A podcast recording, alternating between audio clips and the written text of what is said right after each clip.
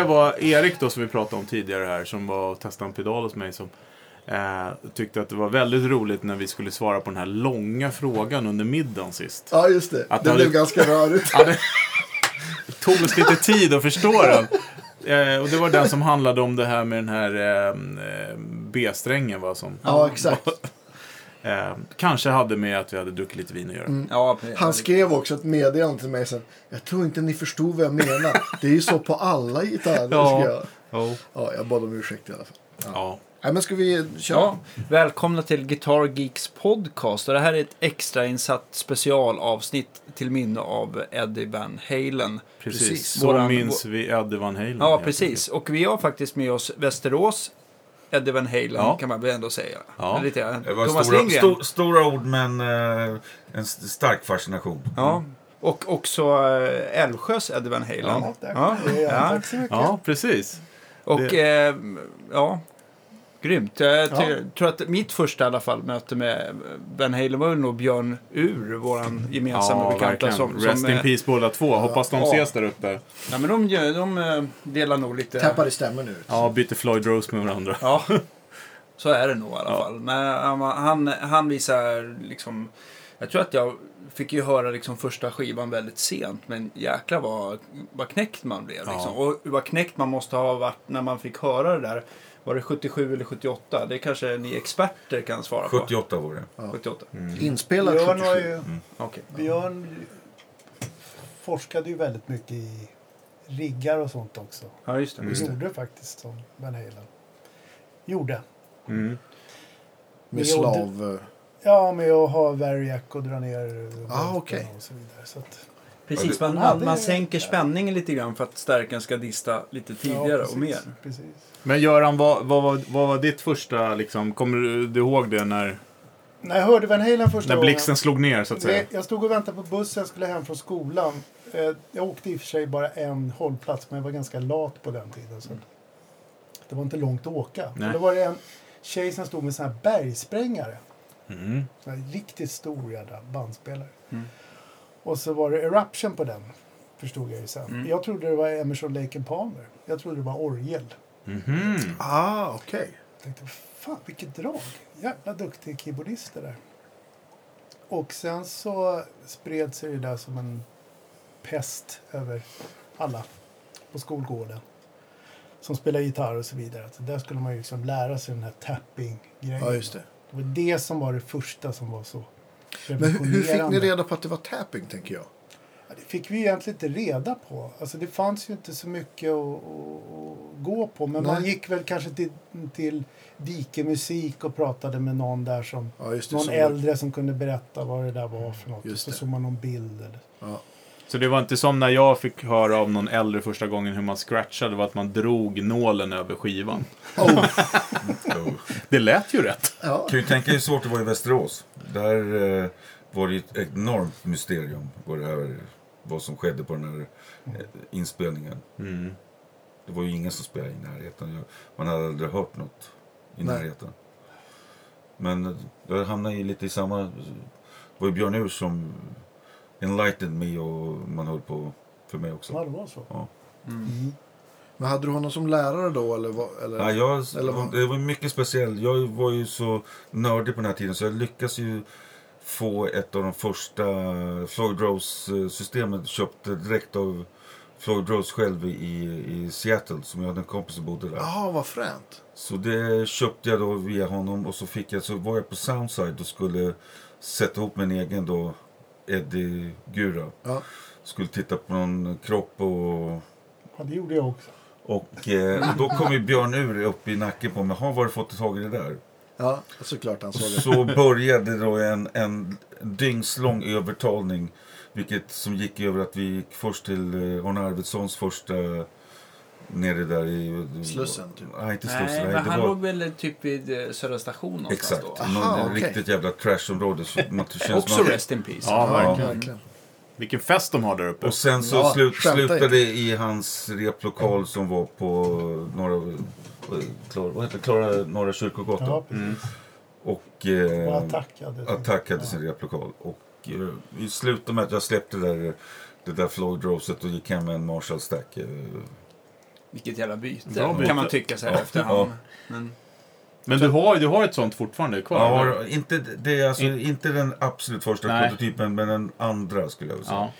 ja. men första, då är det liksom eh, utan fine-tuning. Ja. Ja. Men, men man låste strängen Man liksom låste i både upp och ner. Och Ja. den, det var ju lite kinkigt. Jag har inte hunnit spela på de, de där tidigare. Nej, jag har jag aldrig sett det. Nej, men, och, Man alltså, fick stämma lite om, om när man låste så, kunde, så gick pitchen upp lite. Ja, förstår. man måste stämma lite under och sen låste man. Det var ju Ja. kinkigt. Mm. Man fick lära sig liksom. Ja. Det gick bra det med. Alltså. Ja. Nej, alltså, det var lättare när finstämman Ja, det var, kom det var, Mm. dock, jag tycker de där lät lite bättre. De där tidigare. Det var lite... Vi pratade om det innan här. Mm. Om Floyd Rose och Van Halen. Mm. Och, eh, han hette ju Floyd Rose, eller heter Floyd Mm. Rose. Mm. Alltså. Säljer de där grejerna. Och han tog patent på det här svajet. Det här låsbara svajet. Mm. Och det är många som gruffar om det där då att det var Eddie som var med och tog fram det här. Och liksom, Just det. tillsammans med Floyd. Men det var Floyd då som tog patentet på det själv. Eller Just han det. frågade inte Eddie om ska vi ta patent på det här tillsammans. Utan, Mm. Och sen så har det blivit ett, ett snack om det där fram och tillbaka. Det vet, man ju, vet ju inte vi riktigt hur det är. Men, men Floyd Rose är ju en affärs, var ju en affärsman redan då. Ja. Mm. Något som Eddie blev faktiskt nu på senare tid. Ja. Och fick ordning på sina, sina uppfinningar och sitt mm, märke, sin brand och så Precis. vidare. Jag tänker mig att de kliade nog rätt mycket ryggar på varandra också på den tiden. Jag menar. Jag tror, och som, som jag sa till Thomas, de, om Floyd hade frågat Eddie så är det inte säkert Eddie hade sagt att ja, jag, jag slänger upp pengar och Ja. med på och skickar in en Nej, patentansökan precis. på ett Floyd. Nej. Han var nog inte i de tankarna då. Jag tänker mig också musiken, om man, om man ska hårdra det. Nu hade Eddie kanske fixat det ändå. Men eh, det är ju en väldigt avgörande grej i hans spelstil, i alla fall det senare. Mm. Med, med de här divebombingarna Mm. och såna här saker. Det hade ju inte han... Ja, han kanske hade kunnat gjort det med ett Han vanligt stall Första också. plattan Första dock i vanlig stapelstall. Jo, jag vet. Men, men, men, men senare när det varit ännu mer hans signum.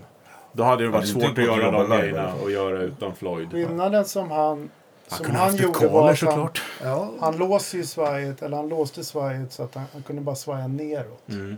Och det gjorde han också med Fendersvajen på första plattan och det. Så att han tyckte inte om Floyd förstod jag sen av alla intervjuer som man har läst och sådär. Mm. Och följt under åren så, så var, han tyckte han att det blev för ljust och för diskantigt. Så att Om de det sen- inte låg mot liksom. Nej, Eller- precis. att ja. det fick kontakt med träet. Så att eh, till skillnad mot Ibanez gitarrer och så vidare och det som Steve Vai och alla andra som har influerats av Van Halen. De har ju mer ett flytande svaj. på Just det. Floyd. Och löser det på andra sätt för att få sin ton. Ja. Kanske med något annat trä. Och sen så är det väl så, det är ju ingen som kommer i närheten av den tonen han hade heller, tycker jag. Mm.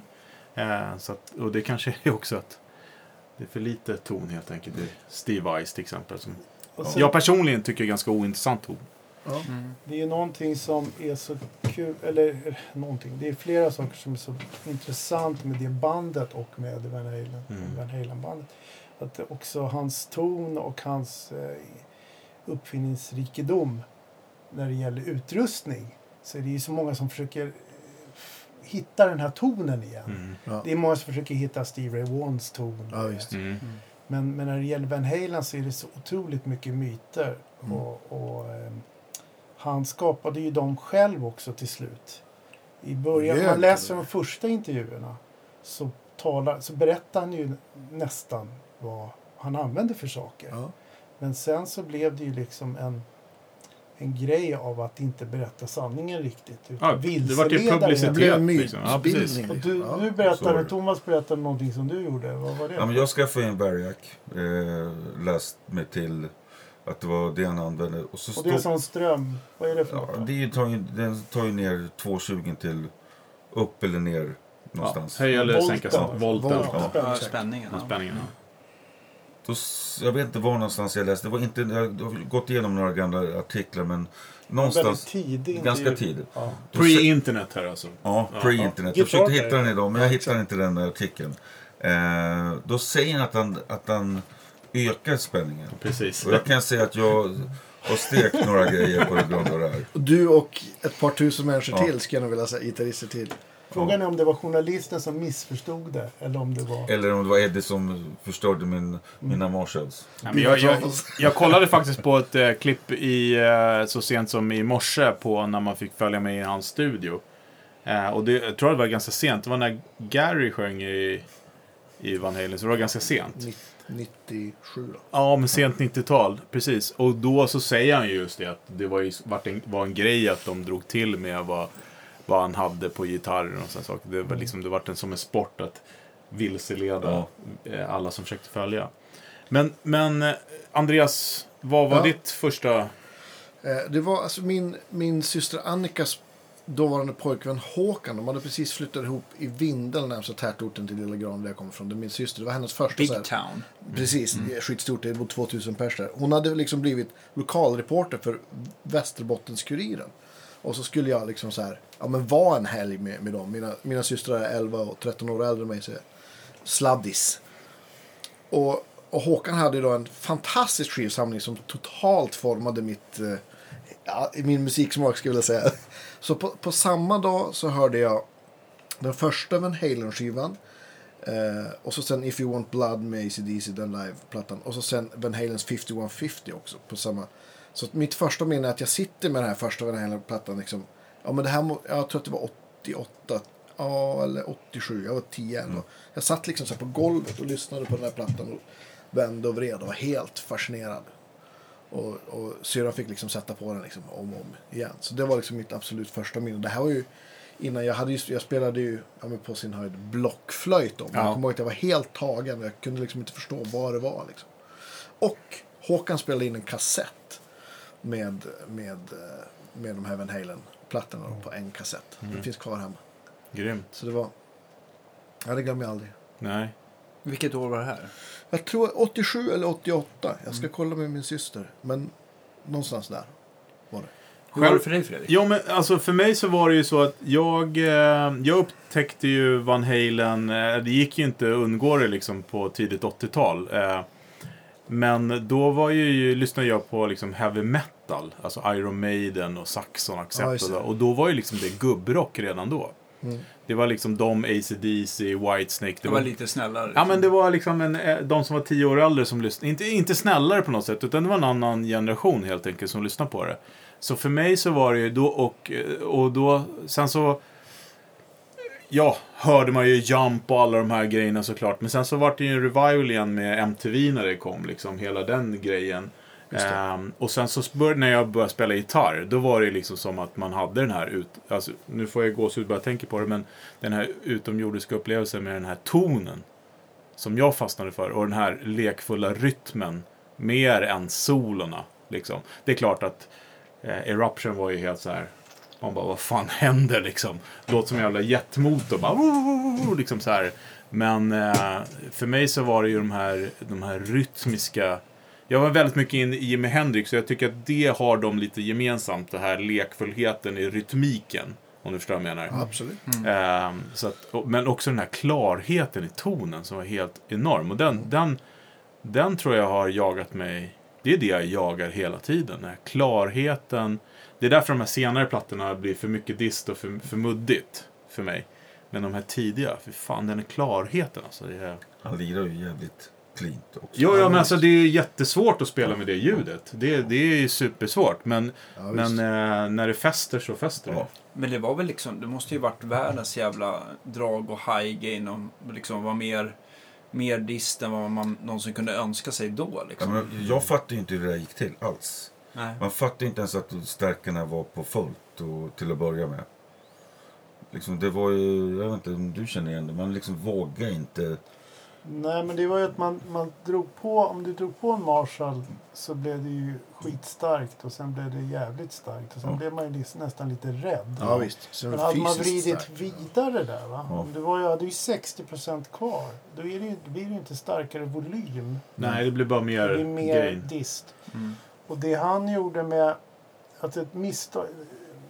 Jag har ju läst massa om det där så jag, jag förutsätter att det är sant. Gissar Han har sagt det. Ja. Men eh, han köpte en, en Marshall. Eh, det först, första Marshall han köpte eh, tjatade han sig till från någon musikaffär. Och det var en europeisk Marshall. Så den skulle gå Jaha. på 220 volt som det Mm. hette då. De hade 115 volt. Mm. Eller 110 volt. Ja. Och så han kopplade in den där, kom hem då och var jätteglad. Nu har jag köpt en Marshall. Och det lät liksom... Det lät jävligt ball men det, den glödde ju inte. Den kom, ju inte igång överhuvudtaget. Mm. Liksom. Så han trixade med något och kopplade in, jag vet inte vad han gjorde, men kopplade in liksom i någon, något, eh, någon dimmeruttag. Liksom. Just det, just det, det har man läst för det. att, Precis. För att husen i USA har alltså dubbla volten in, precis som vi har i Sverige. Ah, alltså okej. de, de, har, 100 de har 230 volt in till hus eller 240 volt. Sen så volt, alltså De, halverar de, har ju också, de har ju också väldigt eh, inkonsekvent Ja. eh, nät. Ja. På, Ja, precis. Ja, det är inte lika vi har ju mycket stabilare här än vad man har i USA. Men vad han märkte var att det blev en häftig dist. Så att när han då fick den här, den legendariska Marshallen som han tror jag köpte från någon, det var någon klubb som de lirade på i Pasadena. Så det var liksom den hus... Husstärkaren där. Ja. Helt Den- slutkörd ja, säkert.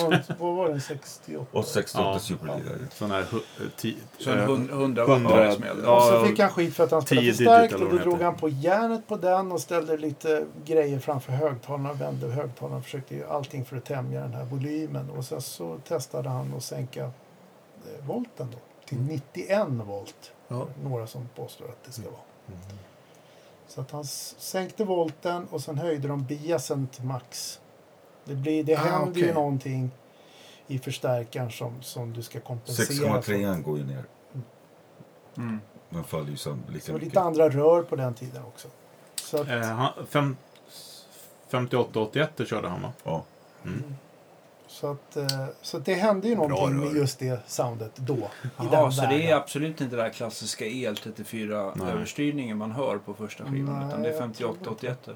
Jag, ty, jag tycker nästan alltså, om jag, om jag skulle, eh, om jag skulle, om någon skulle spela upp det för första gången för mig nu Mm. och jag skulle bara höra ljudet så skulle jag säga att det var så här K88. Det låter verkligen det här Gro- grovt liksom. Glasiga. glas, exakt Och det här. attacken. Ja, Och precis. sen är det ju eh, hela inspelningsprocessen med eh, de kompressorerna och Ja, och sådär. Så det händer ju saker där också. Mm.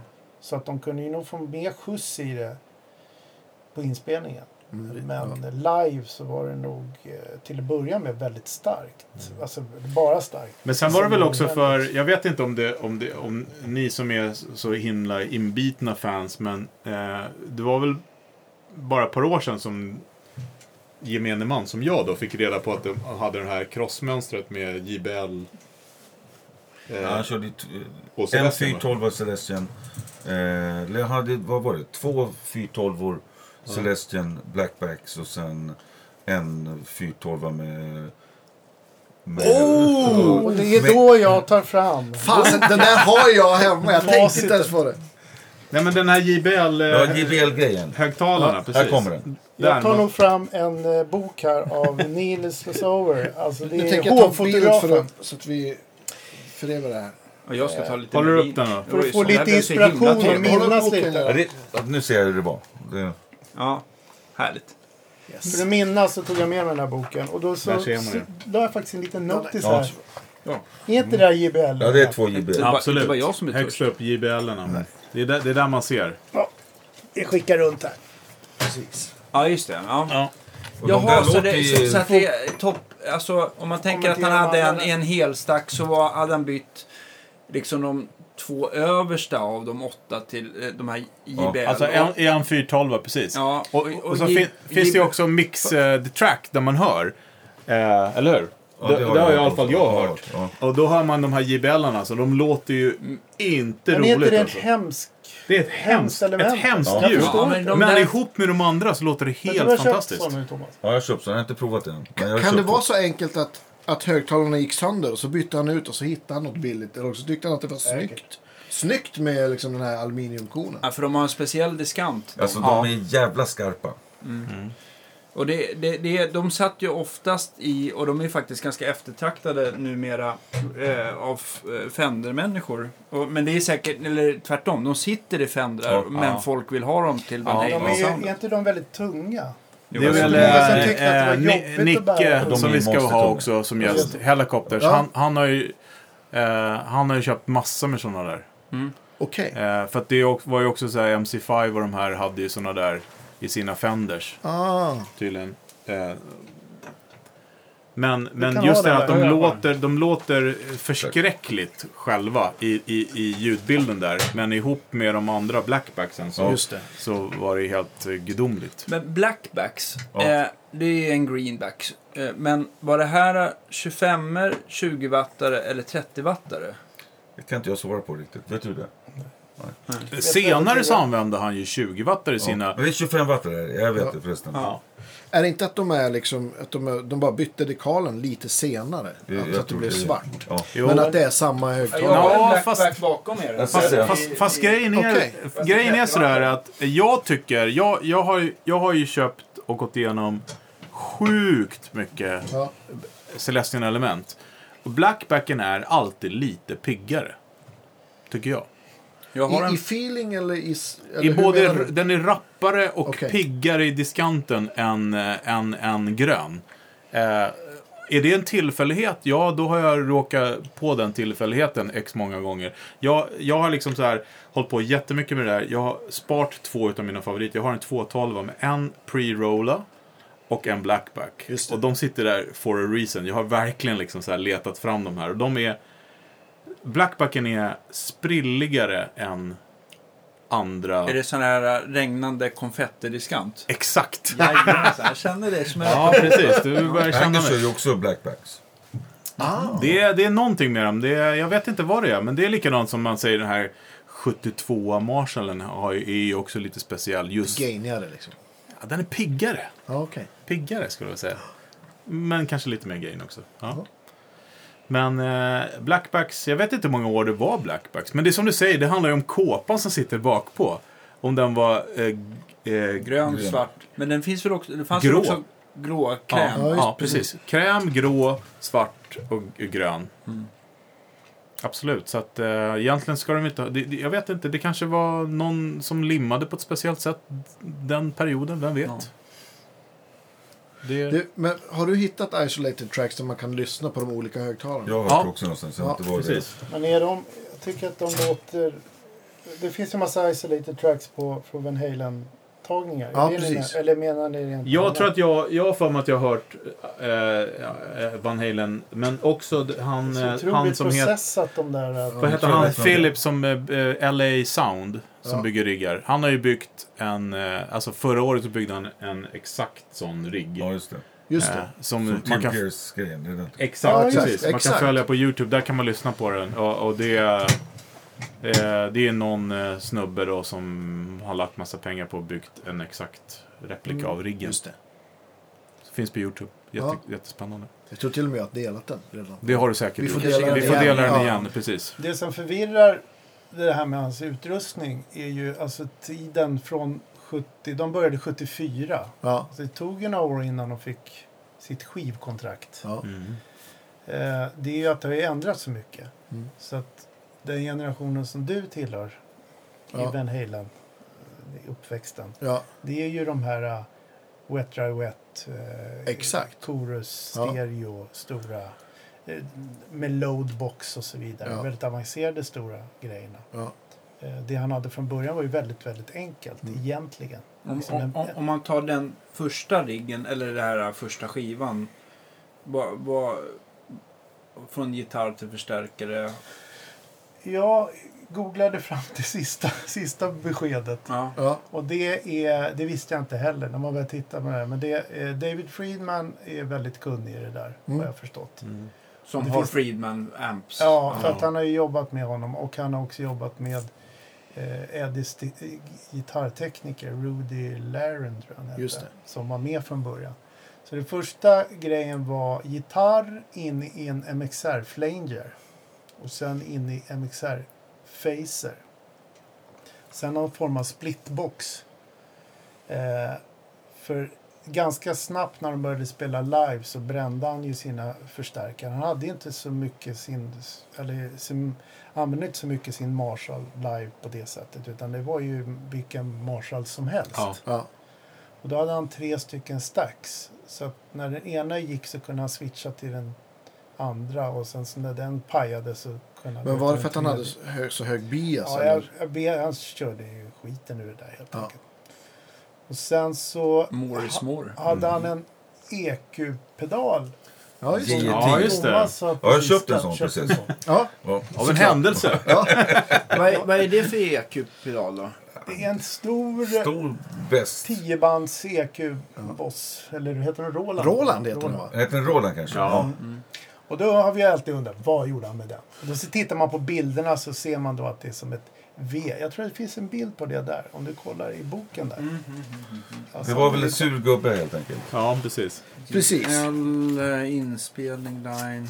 Eller glad gubbe? Nej, sur gubbe. En sur. Ja. Alltså bort med Ja, just bas det. och bort Ja, med diskant. Där ser man bordet. Så det finns ju lite bilder då tidigt när de lirar live. Och då ser man att det är inte en hängmattekurva på Nej, den här EQn utan det är en boost i mitten. Ja, Just exakt. Och då har man alla undrat vad fan, är han det var- han gjort för någonting. Han Och visste då det här redan då. Ja, men då visade det sig att den använde han bara när han bytte gitarr. Så att han körde på någon Les Paul på eh, extra numret för då var gitarrerna så urstämda efter hans gitarrsolo och allting sånt där. Så att den där EQn användes inte så mycket egentligen. Och där har vi också den här spännande myten om allting, om hans Ja. grejer och så vidare. Att man, man ser alla de här prylarna men man vet egentligen inte. Men EP3 då var väl med också? På de första plattorna? Ecoplex. Komplexen. Ja. Men hade han inte en, en, en MXR eh, EQ också? Stämmer, det är en, s- en sån sexbands som han Ja, använder precis. efteråt. Och det är den som Fortsätt är... i, vad heter det, i ordningen på... Han körde Eh. Ecoplex ju innan också. Ja, jag har en fusklapp här. Får jag ta fram den? Ja, absolut. Ja. Ska vi... Det är viktigt. Det är så kul när man liksom känner att nu måste vi ju ta reda på hur det verkligen är. Ja. Jo, ehm, eh, MXR Flanger, MXR Phaser. Mm. In i en Maestro Ecoplex EP3. Det är Ja. alltså Solid State Ja. Ja. ekot. Och det var för korta delayer. Som det är på Och Ain't preamp. Talk About Love och Ja. så vidare. Ja, preamp. 330. Och sen kom den här. Boss G10 som Mm. vi ska få prova snart. Ja. Mm. Spännande. Eller MXR. Ja. Sen gick det in en Tonebender pedal Mm. som var moddad. Det var tre outputs där. Det var någon slags splitbox bara.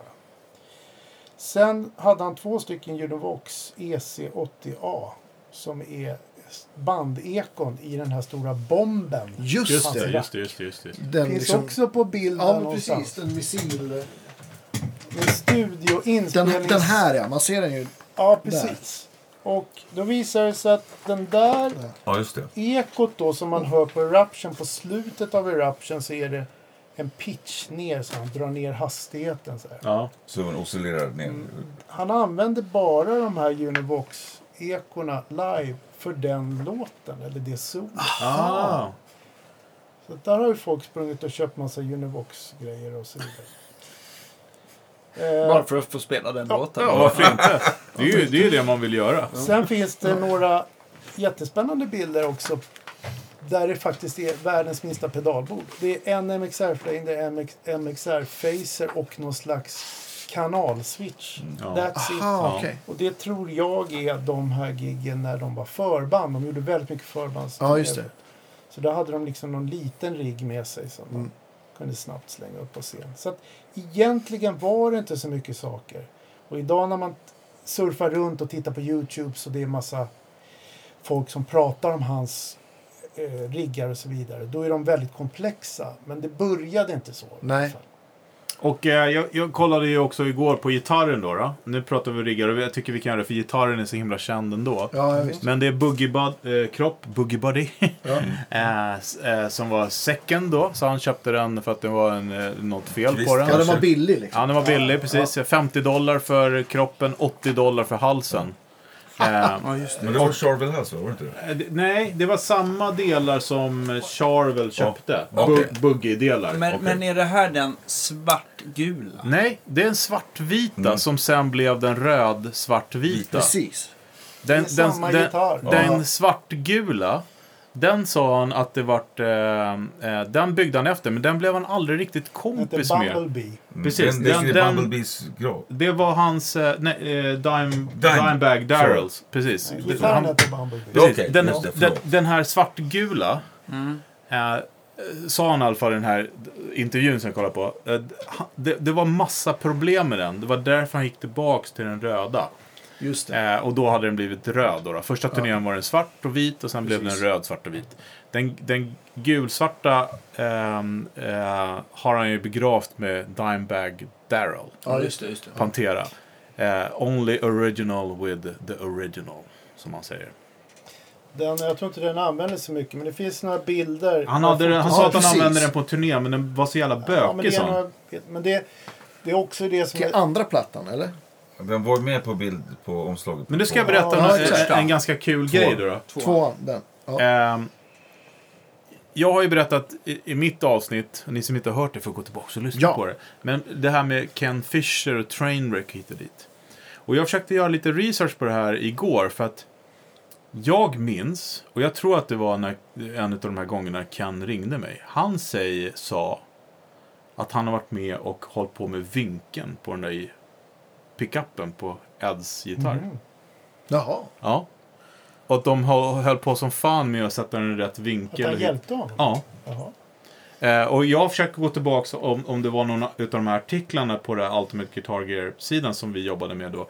Att det ligger uppe. Men det är inte det, utan det är någonting som han... eh, För jag har ju inte hittat på det, jag har inte drömt ihop det. Utan han har berättat för mig att han har hållit på med honom för att verkligen tweaka in rätt vinkel på den här till synes islängda micken bara. Ja, just det. Men det, det är tydligen inte Det så. var ju en, en, eh, en sak som jag läste igår. Att eh, det var två saker som man tyckte var svårt med att bygga en gitarr själv. Då. Det var ju näckinfästningen och den här att det var en humbucker på, på en Fender Spacing. Det är Precis. två Precis. pekar som... Ja, för, för att problemet blir väl att om man sätter micken rakt att eh, E-strängarna hamnar lite Utan- mm. utanför. Liksom, Exakt. med Ja. Gibson. Ja, Det där gjorde man ju sen. Alltså det, var ju, det var en explosion. Han var ju den som liksom... Eddie Van Halen var den som, som fick igång det här med att man skulle bygga sin egen gitarr. Och att Ja. man skulle ha en liksom personlighet i sin gitarr. Hot rod-grejen. och Den, den, jag tillhör ju den generationen som växte upp med det. Ja. Alltså vi tycker ju det är jättespännande. Vi Mm. höll ju bara på med sånt. men det är sjukt kul. Ja. Så hade, kunde man få in en pennvässare på gitarren så var det liksom, Ja. då undrar alla vad är det där för någonting. ja, just det. Men så att... ehm, med det, vad skulle jag säga med det då? Um, Humbuckers såg vi på. Humbuckers, ja. Men, men att han jobbade med Ken Fisher, att han jobbade med, eller att han liksom sökte de här olika kopplingarna. Det, det, det bevisar ju också liksom den uppfinningsrikedom som Ja, han att han var ju en skulle uppfinnare. Här. hitta någonting. Ja. Eh, och när det gäller hans rigg där så gick han oftast tillbaka till det där första han hade. Ja. Det enkla. Ja, men, och I samma intervju som jag refererar till så pratar han också om det här musikaliskt också. Han pratar om det här utforskandet, att han inte kan någonting. Och att det liksom är eh, nyckeln till att det här har blivit som det blir. Att han, han kan inte, han försöker. Och han är, han är liksom nyfiken och ger sig in i saker och ting som man egentligen inte borde. Ja. Eh, och också musikaliskt, att det liksom kom igen där. Att han kan, han är inte skolad. Han vet egentligen inte hur man spelar gitarr som man säger. Så att han, han hittade på ett eget sätt liksom och Ja. hit och dit. Och han pratar också om när hans son sen då, han som spelar bas då, eh, då får man tycka vad man vill om det. Men eh, när han gick i skolan och att han skulle då lära sig musik och han, det vart sån bråk med rektorn att liksom så här, varför lär du han det här för? Det här är ju liksom det här gör ju alla andra, det är helt ointressant. Han ska bli musiker, han ska liksom skapa, han ska skapa liksom så här. Myten är också där lite... eh, Jag, jag tycker inte det stämmer riktigt. För att han... han Ja, men det är- Van Halen var var en väldigt duktig pianist. Han var ju skolad Ja. klassisk pianist. Så att eh, de har ju nött ganska mycket. Han Men på gitarr, han spelar ju inte gitarr. Ja. Nej, Nej. Nej. precis. Men han fick ju i sig mycket av den här musikskolan. Mm. Hans som- pappa var var- klarinettist va? Ja. Jazzklarinettist. Och så de var ju, han och brorsan Alex var ju och turnerade med och spelade med farsan och spelade Mm. storbandsjazz. och så Mm. Men jag vet inte, har, eh, det kanske ni vet. Han och brorsan då, då trummisen. Eh, har de alltid liksom spelat ihop? Tror Ja. det. Ja. det Jag tror jag inte. Alex Van Halen har varit med på någon annan Nej. Nej, Jag tror nej men för att, för att eh, jag har ju också alltid spelat med min brorsa. Eh, och det blir ju något, något äktenskap där, släktskap som är ganska spännande. Men, och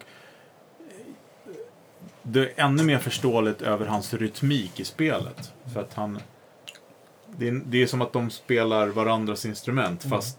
Det var ju så också. Ja, men, ja, men eller hur? Eller hur? Och det, det hörs ju verkligen. Det här... började ju på trummor. Jo, Ja. absolut. Och Ja. det förstår man ju med tanke på hans enorma eh, känsla för, för rytmik. Mm. Men också Alex, hur han spelar trummor. Ja. Han Ja. spelar ju off Alex. Ja, men han På spelar ju som att han är gitarrist. Ja. På sätt och Men, vis. men, men man tycker väl ändå att deras samarbete är ju unikt Ja, också. exakt. För, för, för att jag tycker så här, om man lyssnar på eh, de här kända låtarna Panama och eller eh, de där. Det är ju liksom, det är många sådana här små grejer som kanske många hade tänkt så här, men det där kanske vi lägger om. Men det låter så jävla levande och man är så himla glad att de behöll det. Ja, för det ja. låter så, det låter så himla mänskligt. Ja, men kaxigt och busigt Ja. tycker ja, jag men också. exakt. Och han gjorde nästan... Busigt var det ju alltihopa. Ja. Ja.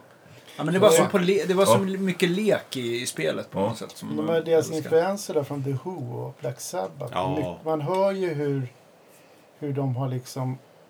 eh, det- Den här kemin som händer med, eh, med David Lee Roth och, Ja.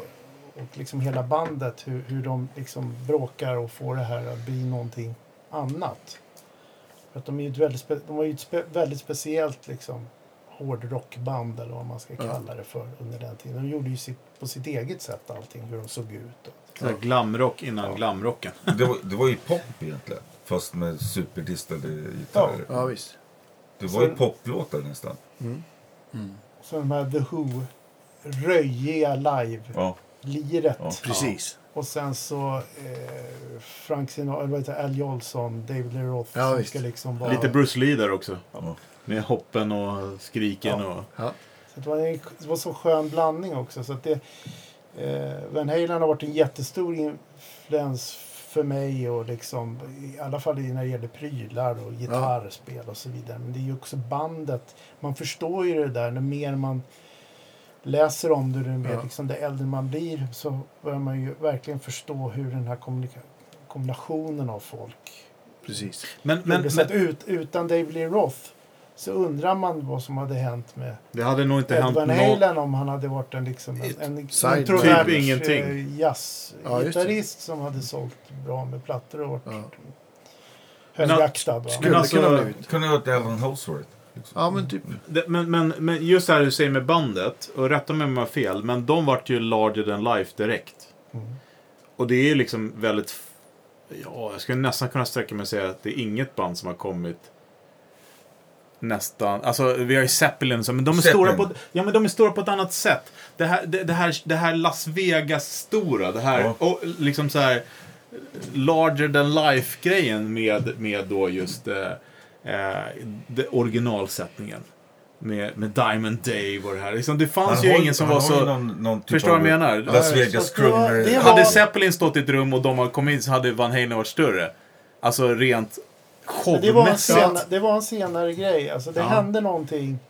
Eh, jag tycker de var häftigast 80-81. Mm.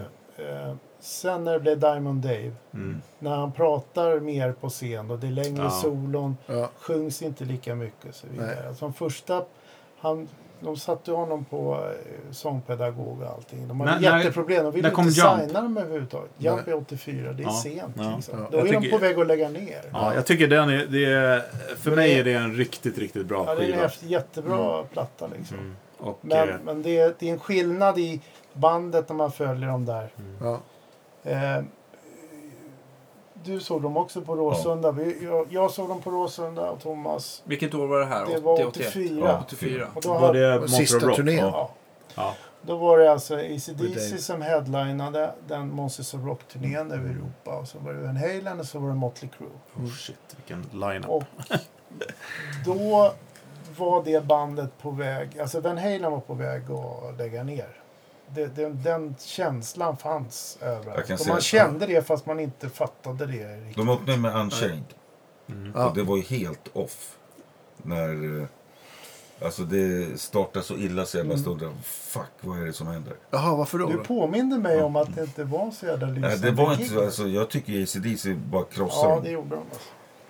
Alltså. ACDC Det är lättare att spela tre ackord när man är full. Men, men de hade, hade de en dålig dag på, på Ja, jag jobbet? tror det. eller? Ja.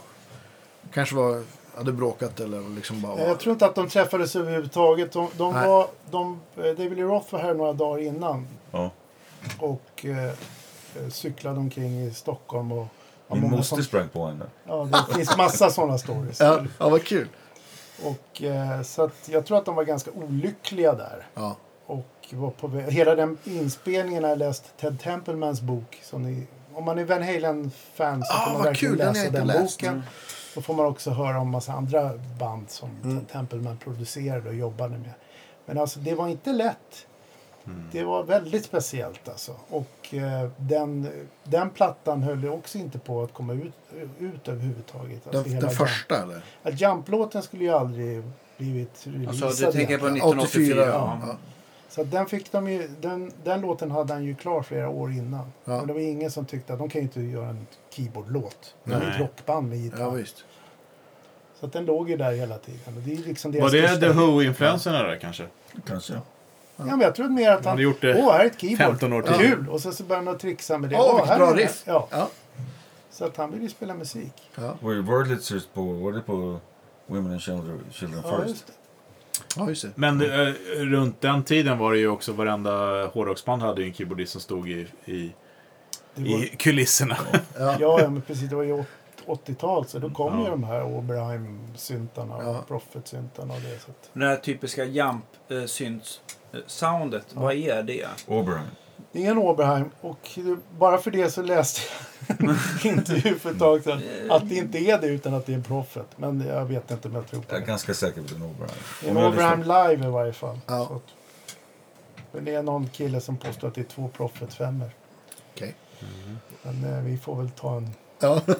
Jävligt. Men eh, den skivan, jag, Det- det- jag, lyssnade, det försökte lyssna Det igenom det mesta liksom, eh, eftersom jag visste att vi skulle göra det här och minnas. Eh, och jag konstaterar ju också att jag har ju inte hört knappt någonting efter liksom OU812. Liksom. Jaha, Då var jag okej. ändå, Ja. nej men liksom för att det vart inte lika intressant för mig efter det.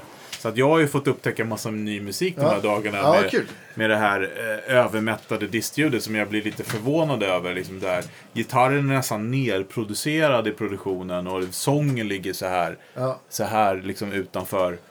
Eh, ja, men om man har Sammy Hagar som sjunger då är, det, då är det ju kul att höja sången. Jo, precis. Han sjunger ju bästa grymt jävla bra. Ja, fy Men fan, Gary vad också det. sjunger ju... Ah, Alltså. ja, det där. Ja, men han det är var, Det är den dålig sämsta sångare. plattan. Sämsta ja, men han är plattan ingen av- dålig Ja, sångare. jag den, har jag, den stryker jag bort. Ja, jag räknar Men för mig det i alla fall, när jag har lyssnat igenom det här. Ja. Om jag säger att de två, de två första plattorna är untouchable. De är liksom så här, de är en egen kategori Ja. på något sätt. Så är det ju liksom Jump-plattan tycker jag, den här otroliga dynamiken i, i gitarrspelet i låtarna och sånt. Som är, och ihop med att Dave sjunger skitbra, den är jättebra producerad, körer och... Ja, fina körer. Ja, men där. Vad heter den låten från 84? Den här som heter Drag... Fasiken står det. Drop Dead Legs. Ja, Ja, Drop ja, Dead så Legs. jävla Fan, bra. bra. Ja, Det är faktiskt en av mina favoriter. Ja. Det var Men- Kulle faktiskt som tyckte den där ska du, den Ja. där ska du lyssna Nej, på. den, där låt, spelar den låten gitarr. har Ja, allt. Den låten... Men, men om man tittar på den här OU 8.2. Det var, var det första Hager-plattan? Nej, andra. Vilken var det? 5150 Just det, var. Men det är Mick Jones som har producerat. Mm. Foreigner. Ja. Precis. Och det hörs. Ja, det, Det är, det, en, det, det är ju hitmaskin det där. Ja. 5150. Jag tror Ted Templeman Ja, visst. Ja, Engineer. Ja, Pound men där fick Jag såg ju- ju, såg ju Van Halen också den turnén. Ja, men då var, då, då var de ju här på Globen. Ja, Då var jag också Det var där. 93. Det- Ja, exakt. den knockade mig. Ja, mig med. Då var jag där med Björn Ur och då bara kände man vad... Det var så tight så jag höll på att Körde de tappa- några gamla låtar också eller? Ja, några, inte så jättemånga. Ain't talking about love. och, De körde eh, Unchained också. ja, Den är ju inte med på, på liveplattan. Men den, den, de körde den live ibland på den turnén. De hade inte exakt samma setlist. de började med Pound Cake. Jävlar. Just det. Ja. Och det var där jag bara kände, herregud. Och, och, och det lät så bra också. ja. Var det nog den Det bästa... fan gåshud. Ja, Shit. ja, en jävla Ja, låt. Ja, de Men- har spelat men- två gånger. Då. Eller de var 93, och 84 och 93 i Sverige. Ja. Eh, De, eh, jag tror att det var 79 eller 80 så skulle de spela i Köpenhamn. Och då blev det inställt för David Roth fick något i huvudet. Om det var någon ljusrigg eller vad det var. Oj, Då var. Just vi, det. vi var några stycken som skulle åka dit och tänkte nu får vi se Van Halen. Tänk att sett Van Halen på Falconer Hall eller något Det är sånt. roligt att det- när de gjorde den här eh, reunion nu sist. När de gjorde också eh, det live-grejen. Eller, eller det premiärgrejen. Att Ja, då slog han sig igen. mixtativ han började blöda i fejden. Nej, det var, ju, det var ju ett svärd. Han höll ju på och skulle posa. Nej men, det, nej men det var vet du, överdelen på ett mixtativ som han höll på och, och höll på med. men det var, så, det var en sån här svärd. Ja men någon, någon Ja. sån Ja, men han, fick ett, han, han fick ett ordentligt Ja, plåster det var över näsan. direkt i tv-sändning. Ja, han slog- Ja. han typ, ska- eller Och sen inte nog med det, de skulle åt det. spela Sweden Rock. Och då Ja, satt vi i bilen, jag och en polare och våra fruar och vi skulle ner liksom och kolla på Van Halen. När var det här? Det var... Eh, ja, när var det? Shit, det har jag glömt bort. Men ni- 90-tal? Ja, men det är se, var senare. Alltså var det så här 95, 90, alltså Balance-plattan? Jag undrar om... Nej, det var nog...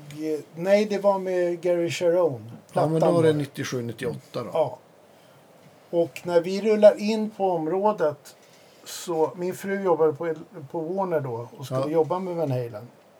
Så hon hade ju kontakt, det var därför vi var där också då, att hon skulle liksom göra någonting med någon press. Och då ringer de och säger att det är inställt. Då har Alex Van Halen fått ett helt tak över sig Nej, men, i Holland innan. Så att det är gipstak på soundcheck som har bara släppt och ramlat Shit. rakt ner i huvudet på honom. Det var inte roligt. Så att då fick de ställa in då den, det giget efter och det var Sweden Rock. Så att då kommer vi, vi får reda på det där. Så vi vet det där. Och där står alla Van Halens grejer. Alla case och allting. Ja, och Än en gång så jag bara, oh shit. Då, det var nära. Ja. Ja. Och då skulle de ju gå upp på scen. Eh, han som var konferenser, som jag kommer inte ihåg vem det var. Men han skulle gå upp och tala om i varje fall att eh, Det blir inget. det blir inget ikväll. Utan Ja. istället så får vi slänga in något. Mm.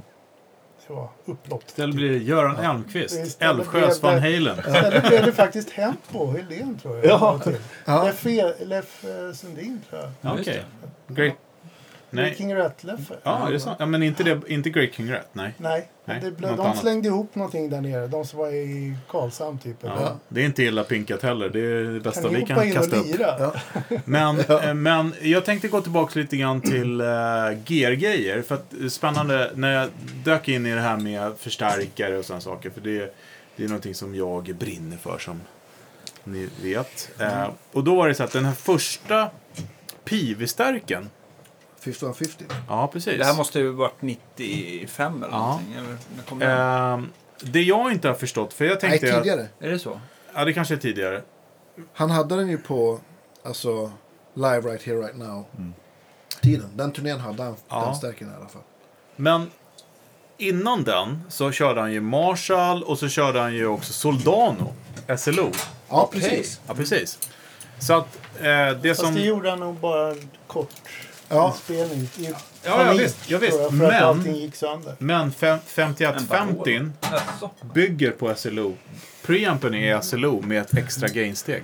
Precis, för det är det sju förstegsrör eller något helt absurt. Eh, väldigt många. Och väldigt mycket grejer. Ja, Precis, så att- extremt mycket så det- Folkesson brukar ta bort rör Okej. när han moddar den. Ja. Han tar bort grejer så låter det Men grejen är att jag har alltid tyckt att den där låter så Ja, himla bra. På clean rör. På Clean-kanalen. Precis, Alltså, Crunch-kanalen. Och det är ju SLO.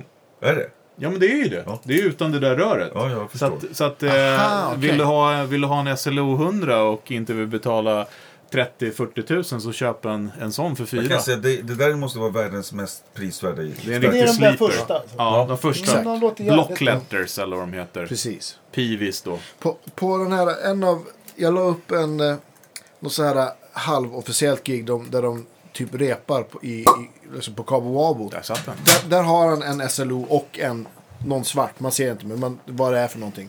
Och det, det var väl 89 tror jag. Så då spelade han ju uppenbarligen på Soldano liksom. Och jag, jag vet inte vad han, om han körde Soldano live någonsin, vad han körde. Nej, Så här- det tror jag inte att han gjort.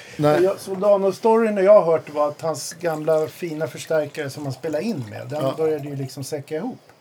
Så att det var flera olika personer runt världen som faktiskt har meckat och, och moddat. Inte moddat, men att och, och försöka rädda den gamla Marshall. Ja, okej.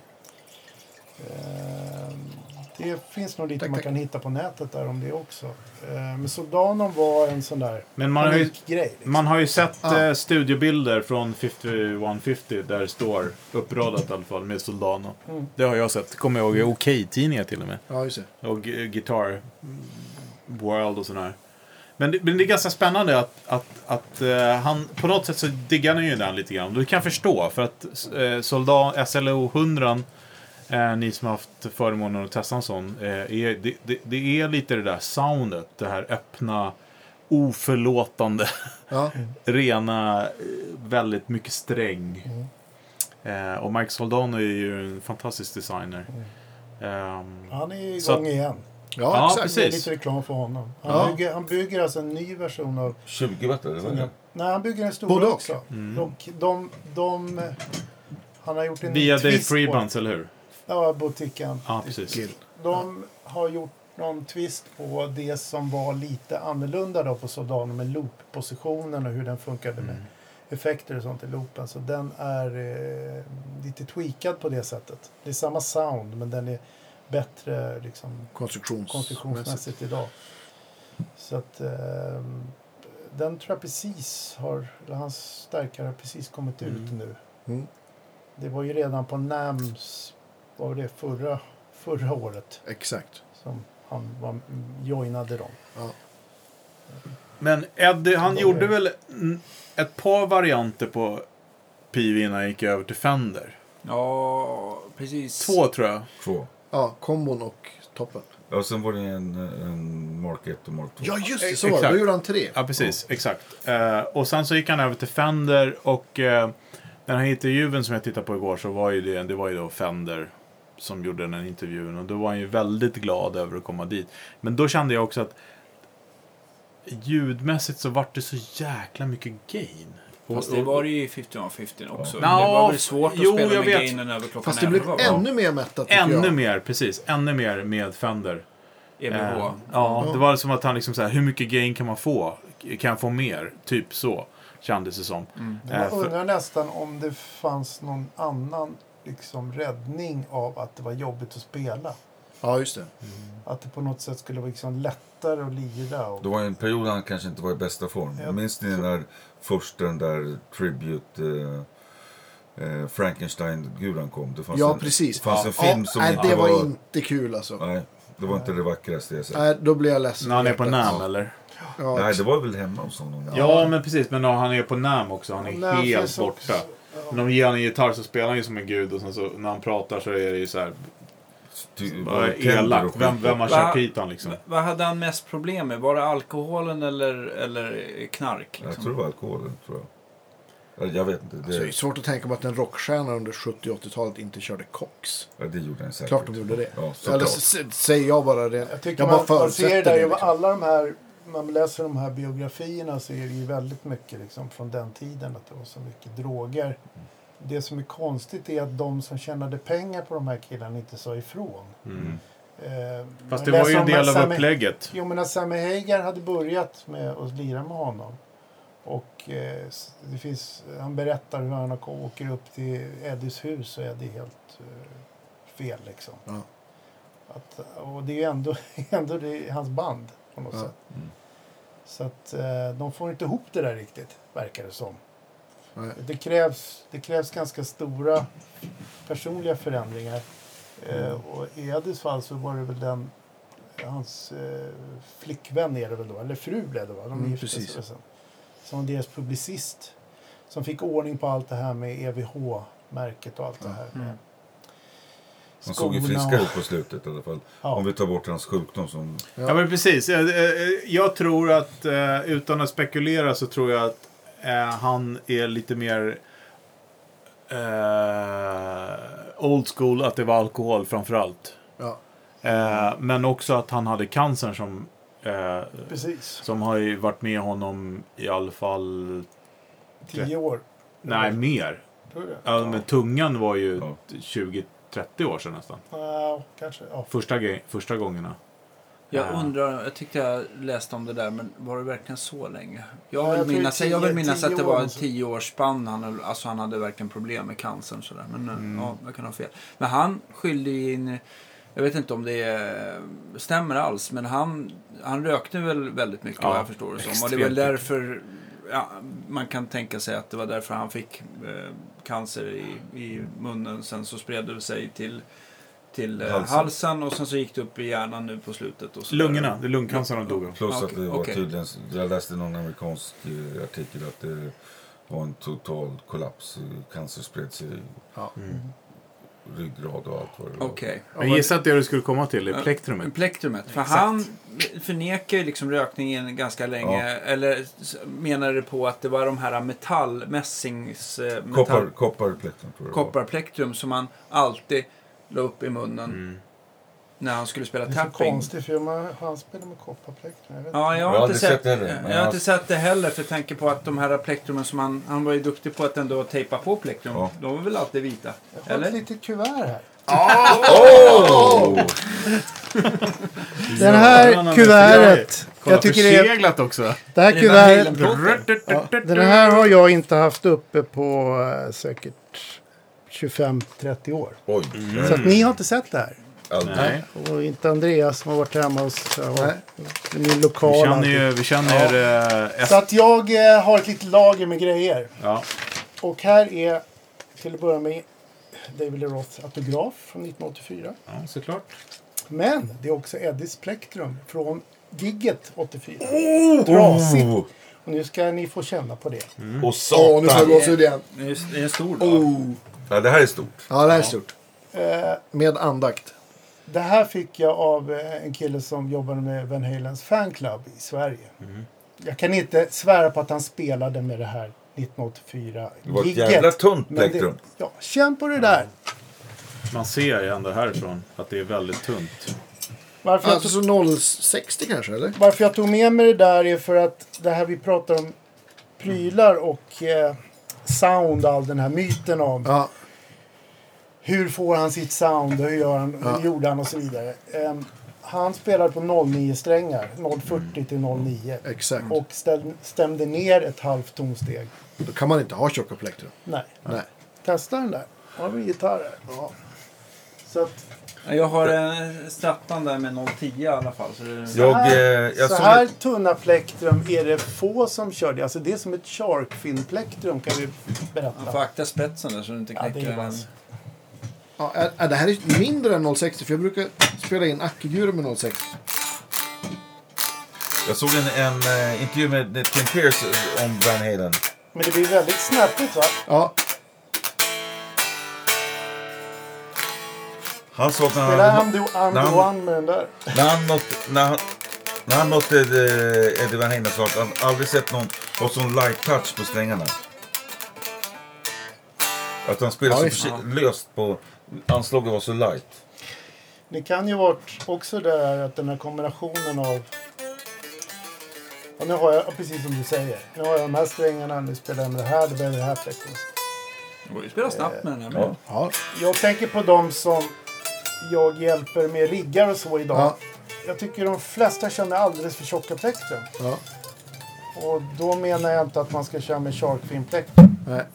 Men det är ändå liksom många som kör på 1 mm, 1,5 och 2 mm plektrum och så vidare. Det, det blir en helt annan ton Oh, ja. när du har tunnare plektrum. Det sa du till mig någon gång vi höll på med någon Acke, Acke-rigg och så sa "Ja, det är lite för mycket, lite för tjock midd. Ta tunnare plektrum, sa du. Och det hjälpte ju liksom. Acura så kör man ju oftast här. Ja men precis. Ja.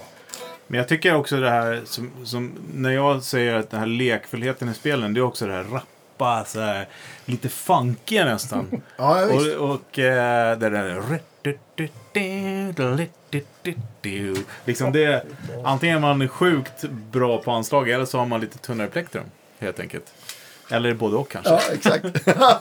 Men det är kul att, att följa det här, de som ska bygga samma riggar och göra exakt likadant och så vidare. Så det, det har verkligen blivit, det, det är så typiskt för Ja, den, Ed Van Halen Ja. och Van Halen. Men det var också roligt med den här replika-gitarren som vi pratade om, den här videon där när han sitter och han bara "Ah, “This is the best guitar”. Då är det liksom Fender, eller Charvel då, eh, som hade köpt Fender. Char, Fender hade köpt Charvel. Ja. Eh, Den killen som gjorde den första replikan, han hade ju inte tillgång till originalgitarren. Va? Det var, nej, bara bilder från internet. Och ändå tyckte Eddie att det var liksom, alltså varenda detalj var ju rätt tyckte han. Jag, jag, mig- jag läste någon så här, i någon gitarrtidning om The Second Guitar Player där de liksom intervjuade honom hur han hade liksom fått tag på den här liksom, eh, eh, vad heter det, på baksidan, eh, Reflexerna. reflexerna och allt Ja. möjligt liksom. Men det var inte på första, var det inga flexer på första, Replik, jo, Ja. det var det. var det? Ja, absolut. Eh, det ligger uppe på YouTube. Den här killen, han, det var hans första relic-jobb på, på Fender. Eh, han eh, fick bygga, han, han fick som uppdrag, han hade aldrig gjort en relic. Han fick som uppdrag att bygga replikan på den här och gjorde det enbart utifrån bilder. Sjukt intressant. Ja. Det är ju väldigt mycket business då tycker jag.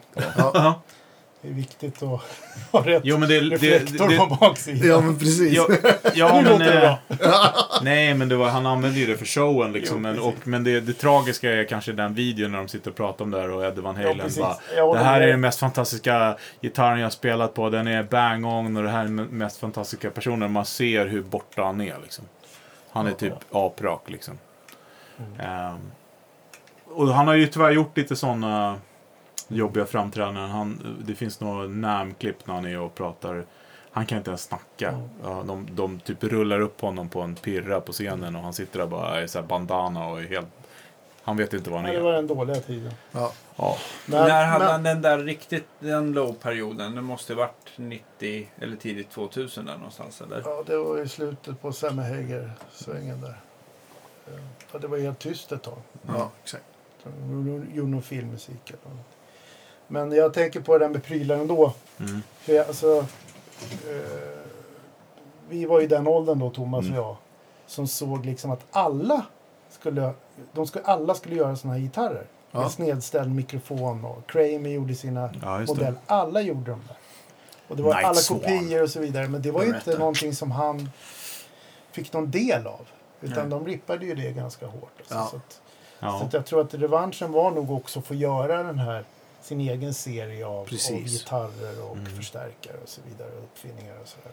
Volym, alltså det finns massa saker. Eh, volymputtar som är low friction. Just det. Ja, han gillar alltså så att det ja, low friction säger sig Och att den håller också. Mm. Ja. Det var roligt när SVT gjorde sitt då eh, in, extrainsatta i realtid ska man säga. För att då hade han ju typ dött några timmar innan bara. De, de hyllade honom då. Mm. Vilket var jättefint. Och, eh, men att, ja, han musiker lalala, och hade patent på eh, han uppfann tappingtekniken och hade patent på den här brickan som man lägger Ja. typ som en Ja, just det. läppstift. Ja, det tog han patent på. Ja, precis. Ja. Exakt. då har det måste ha varit sagt... mer Ja, 85, 1985. Men jag undrar det där med tapping-grejerna. Jag, det måste ju också gå väldigt mycket myter om det verkligen var han som upptäckte eller kom på det. Han, Nej, Det var inte han som uppfann det. nej.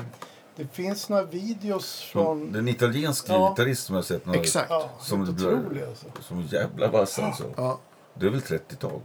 ja, men... Och sen Typ- har typ. du stickbas, alltså stick, Chapman stick. Ja. Eh. Instrumentet, som är en tapping-instrument. Men, men, men efter att han hade gjort sina eruption och det så skulle ju alla, alltså det var ju pinsamt till slut.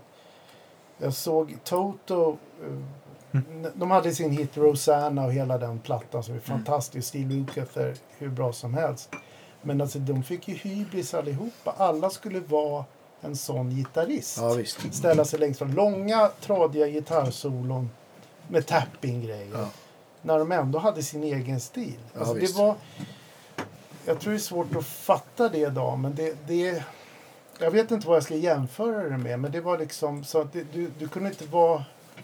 Ja, det finns hur många stories som helst om det och, och exempel. Ska vi jämföra med som att alla ska ha eh, harmonic tremolo? Eller förra året fall. Nej, mycket, mycket mer. Alltså det här var ju så... Det, Nej, men det, det vände upp allting. Triumph-gitarrist- Allt, Tri- allting. Triumph-gitarristen gjorde ett solo på, på Triumph-plattan som Ja. var som Eruption.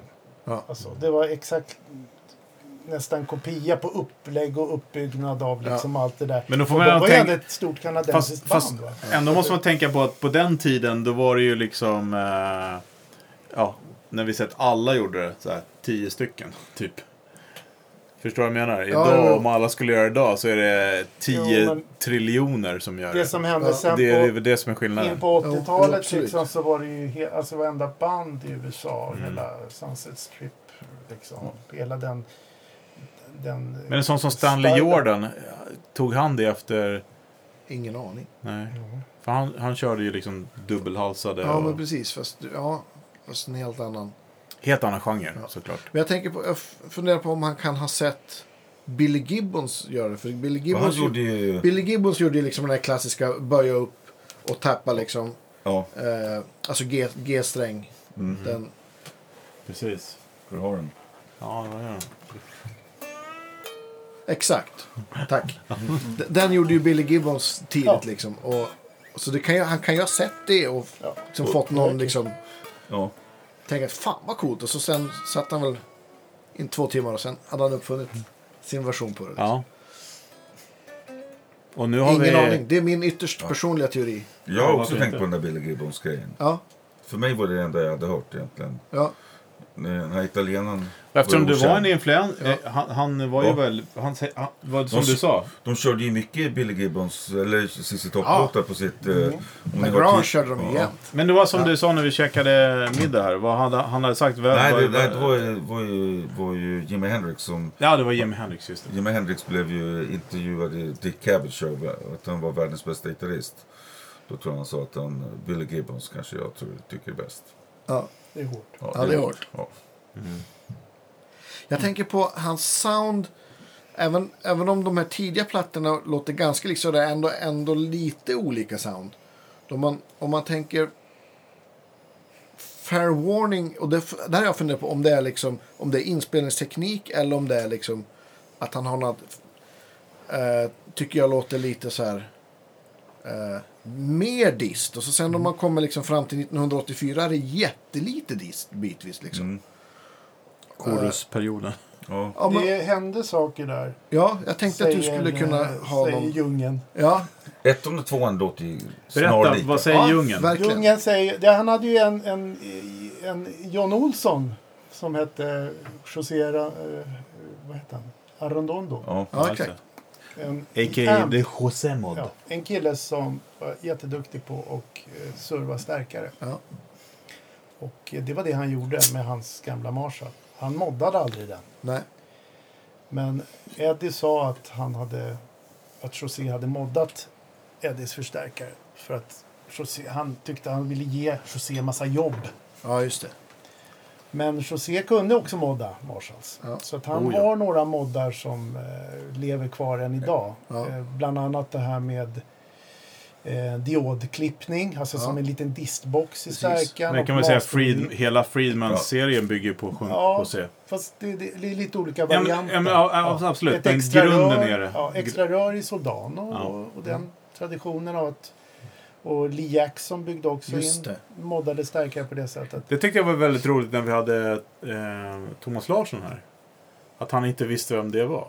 Ja! Det, är- det är ju superspännande. Thomas är ju jätte, han är också Jo, en men ändå- tidig en pionjär. Jo, ja, oh ja. Men jag tycker att det är så himla refreshing att han inte visste vem José var. Inte? Nej, han, han, nej jag vet Ja, inte jag vem det är. också, Ja. jag blev förvånad. Thomas har gjort jättebra grejer. Eller så var det mitt uttal som var fel. Men Jo, men då så gjorde han i alla fall, vad jag skulle komma till var att eh, det förändrades troligtvis. Det är ju ingen som vet helt. Nej. Men, men det som hände på, efter kanske vid tredje plattan och Ja. sånt, att det blev någon form av load. Någonting som gjorde att du kunde få mer dist. Eller hur? Ja. För det tycker jag är ytterst Och tydligt. Thomas nämnde det, vi pratade tidigare idag om att José gjorde tre stycken Loadboxen. loadboxes, alltså stora, Aha, jättestora okej. prylar Ja. med f- kylflänsar på. ja, det var den där videon jag skickade till dig, eller hur? Och Cameron, han som bygger Cameron-stärkan, Ja. har en av dem. Och Mm. där finns det en video med hur han visar hur det här skulle kunna Skicka vara. de här videorna så vi Ja, kan lägga precis. Det ut finns på, Ja. vi, finns på YouTube. Den ser ju ut som så här riktigt så här eh, steampunk. Ja, som eh, Frankensteins ja, verkligen. monster. Ja, okej. liksom. Men Ja. vad är det han gjorde med den? Då använde han en topp för att använda som en overdrive-pedal Ja. in i en annan topp? Ja, eller? Ja. Ja. Ja, och kunna liksom få eh, kunna köra ännu mer, eh, alltså få mer gain helt enkelt. Precis. Ja. Och det, jag tror att det är den riggen som LA Sound bygger med HH-stegen. Mm. Exakt. Och då sen Reamping gick ju det vidare till den här Wet Dry Wet. Ja. Och. Diver Down, vad körde han där? Då börjar jag med det där eh, Roland Choruset ju. Vad heter det? Eller är det, är det Boss? Det där, det där tjocka. Ja, det, det- det gråa med. Ja, grå. Ja. Ja. Är det Boss eller C1. Rå? Ettan. Ja, just det. Ja. Den med två fotswitchar på. ja. Nej, det är en Nej, rack. inte. Det är en Nej. rack. Rack, eh, det är en En rack. Jaha. rackgrej. Som Ja. eller, inte en full rack eller någon tjock högre halv... Ja, men precis. Trekvartsrack skulle jag kalla Alltså det för. typ så här, så Ja. här hög. Ja. Kan det vara någon, så här, men typ, vad heter den, alltså Dimension? Nej, inte den heller. Nej. Det, det, är en egen, det är den här nya MXR-pedalen är en Det replika är på ett den. ganska speciellt chorusljud. Ja. Ja, Mm. Lite mer doubling. ja. Ja. För sen 84 då har, vi liksom, då har väl Eventide gjort in, Ja, intåg på liksom. Det har man ju väldigt tydligt. Ja. Mm. Det är för övrigt ett väldigt bra ljud på H9 som heter 1984. Jag sa. ja, det är så jävla bra. Men det är fint på, på den här Women in Love också. Det är ju någon, någon harmonizer-grej på, Ja, precis. på Ja. tvåan. Mm. Någon, någon pitch, Ja, men exakt. pitch, eh, en oktav upp eller väl.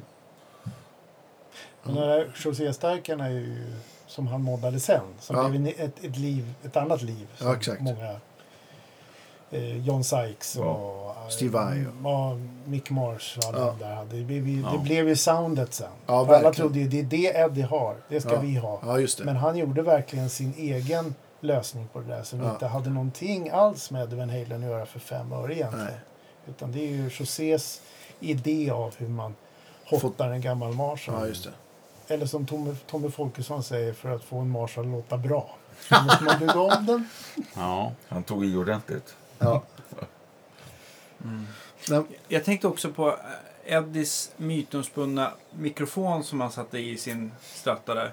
Eh, man tänker det som fanns då på 70-talet att, att vad- annat kan det ha varit än en, en, en, någon gammal Puff eller Patent Jag tror det Number var från en 335. Exakt. ja Det var en gammal puff. puff. Ja, från en 35. och 335 brukar ju dessutom vara lite mer underlindade vad man har märkt. Eh, Och, man, och de här som man som från Duncan och många andra som ska ha det här eh, eh, puff-soundet säger att den ska vara lite, den ska vara lite hottad. Att den ska kanske istället för att den ska mäta 7-8 så ska den mäta 10 och så vidare ser man mycket. Men det borde inte Nej. stämma i sådant fall. Nej, Semi Duncan är ju en 78 Ja. som är väldigt svag. Okej. Jag har ju ganska många sådana. De är ju rätt bra måste jag säga. Mm. Men jag köpte ju faktiskt en, eh, när på den, om du tittar på tidigare annonser så när Seymour Duncan gjorde en liten spalt i, i Guitar Player så stod det i början eh, Duncan Custom inom parentes Van Halen. Den, Aha, okej. den lyckas ju då jag också då givetvis Beställa. beställa Ja. med, med eh, skicka en, en, eh, ett brev till dem först och sen eh, en check och så kom det en sån.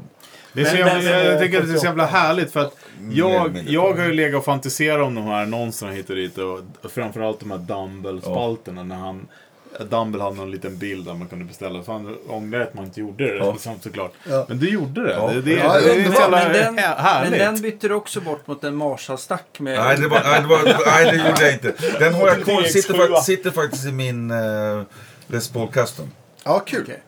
Ja. Vet du, jag, jag har en Les Paul Custom med Lundgrens Heaven 77. Ja, jag de- kommer över så kan vi jämföra. Ja. Det kul. Jag har satt på en kåpa över den därför att den skulle Ja. se mer, mer original ut.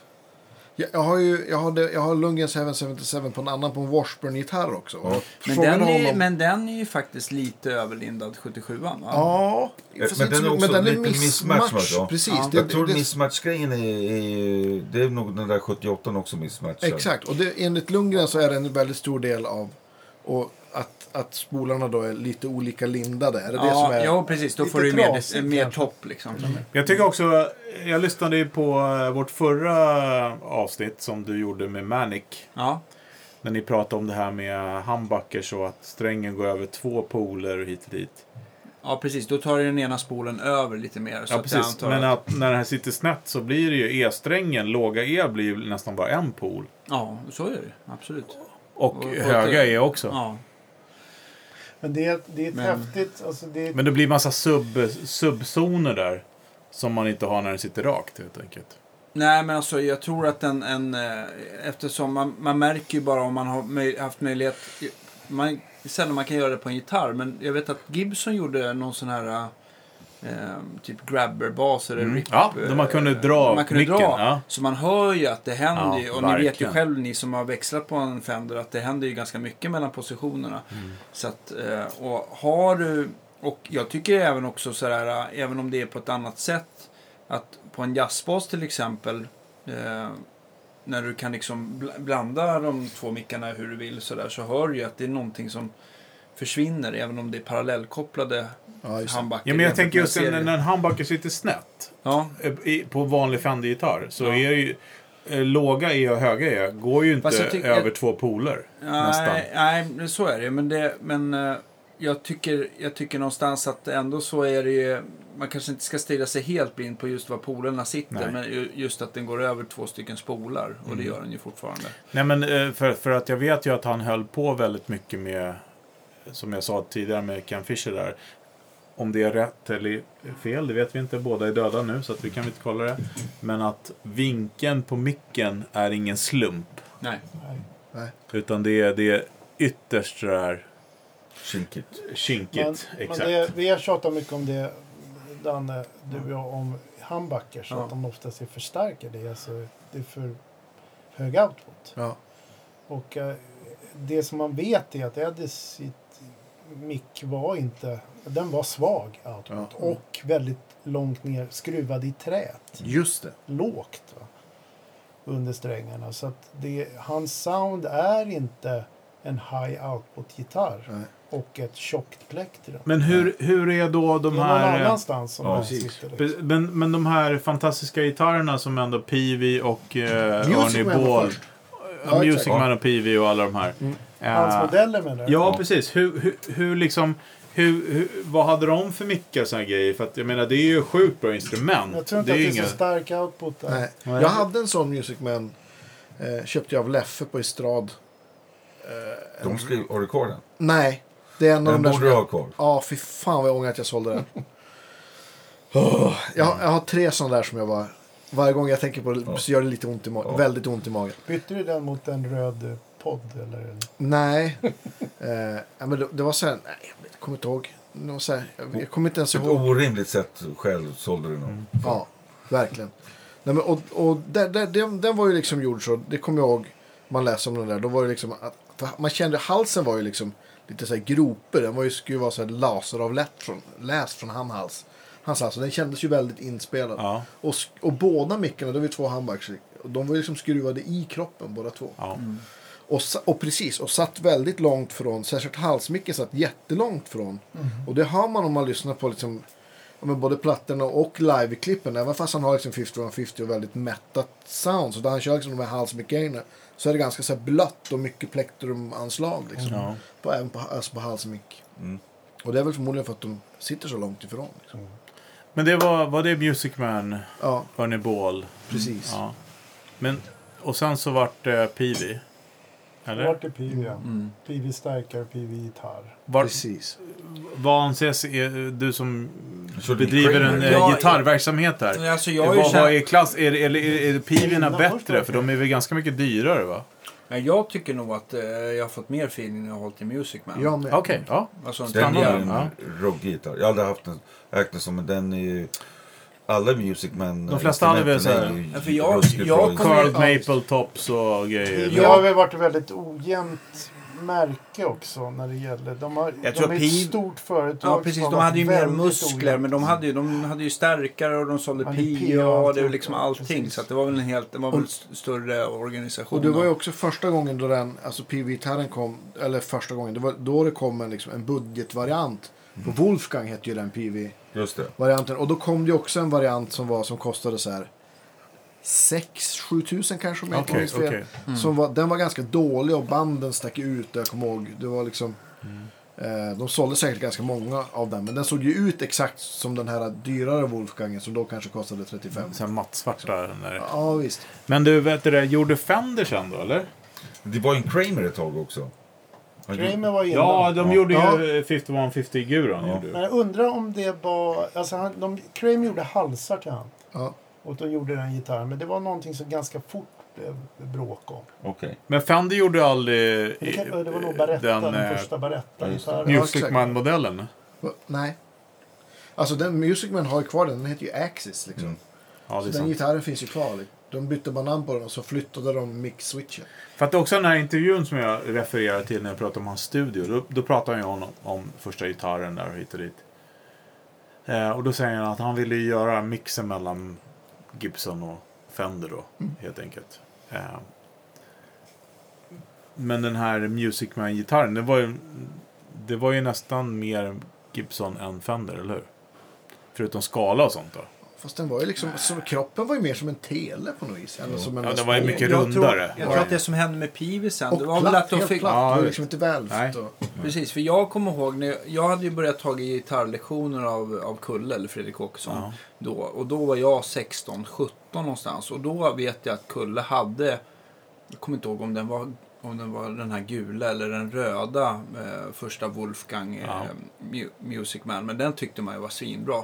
Det enda som jag vill minnas av den, det var att den, det är en ganska så här rund hals. Det är den här eh, olje... precis. alltså, deras som är väldigt skön Ja, tycker jag. Jätteskön. Ja. Och Ganska sen så lite gan- tjock var den. Var den? Ja men rund... Eh, Du sa, du sa eh, Telecaster. Det är Telecaster som heter L5. Eller hur? Vad hette? L5, heter det inte det? Ja, just det. Jo, precis. Kan man säga. för den är Ja, lite exakt. större, eller? Ja, exakt. Ja. Svälld eh, tele. Men det som, det som, och sen så var det ganska små vintageband på den också. Ja. Och så bara, och så två handbackers givetvis, alltid zebrafärgade. Men det som hände med piven sen, det var väl att då började det lite välda och Exakt. sånt där. Och så kom hans, den här D-tunern också. Kom på, på Tuna, P-gitarren. precis. vad Så den han kunde liksom droppa. Just det. Det- Men, men jag tänkte på, Precis. på Music Man-gitarrerna. De, de fick ju ver, ett verkligt uppsving när han började också. Ja. Då, då började de ju med Albert Lee-modellen och, och Steve. Morse kom. och eh, Steve, eh, Petrucci. Steve eh, Lukather. ja. Ja, just det. Jag tror att, jag tror att, John Luke, Petrucci. jag tror att Ja, för fan. De gör jävligt bra gitarrer alltså. Det är sjukt, sjukt bra gitarrer. Ja, jag, tyckte, jag tycker ändå att eh, det som jag kände att jag inte fastnade för för Music Man, det var ju att det var ju ganska, så här, ganska små nätta halsar oavsett modell. Så. Okej. Det blev lite, Ja. det blev, eh, det blev bättre sen med, eh, med vad de har gjort nu så där tycker jag att de har lite mer. Men, men eh, Jag tror, tror att det är... Jag tycker att man märker att de här, fabri- eller de här märkena är väldigt lika i sina modeller. Även Ja. om det finns en Steve Lukather och Ja. Petrucci. Har det något med hur de ställer in sina maskiner? Att de liksom...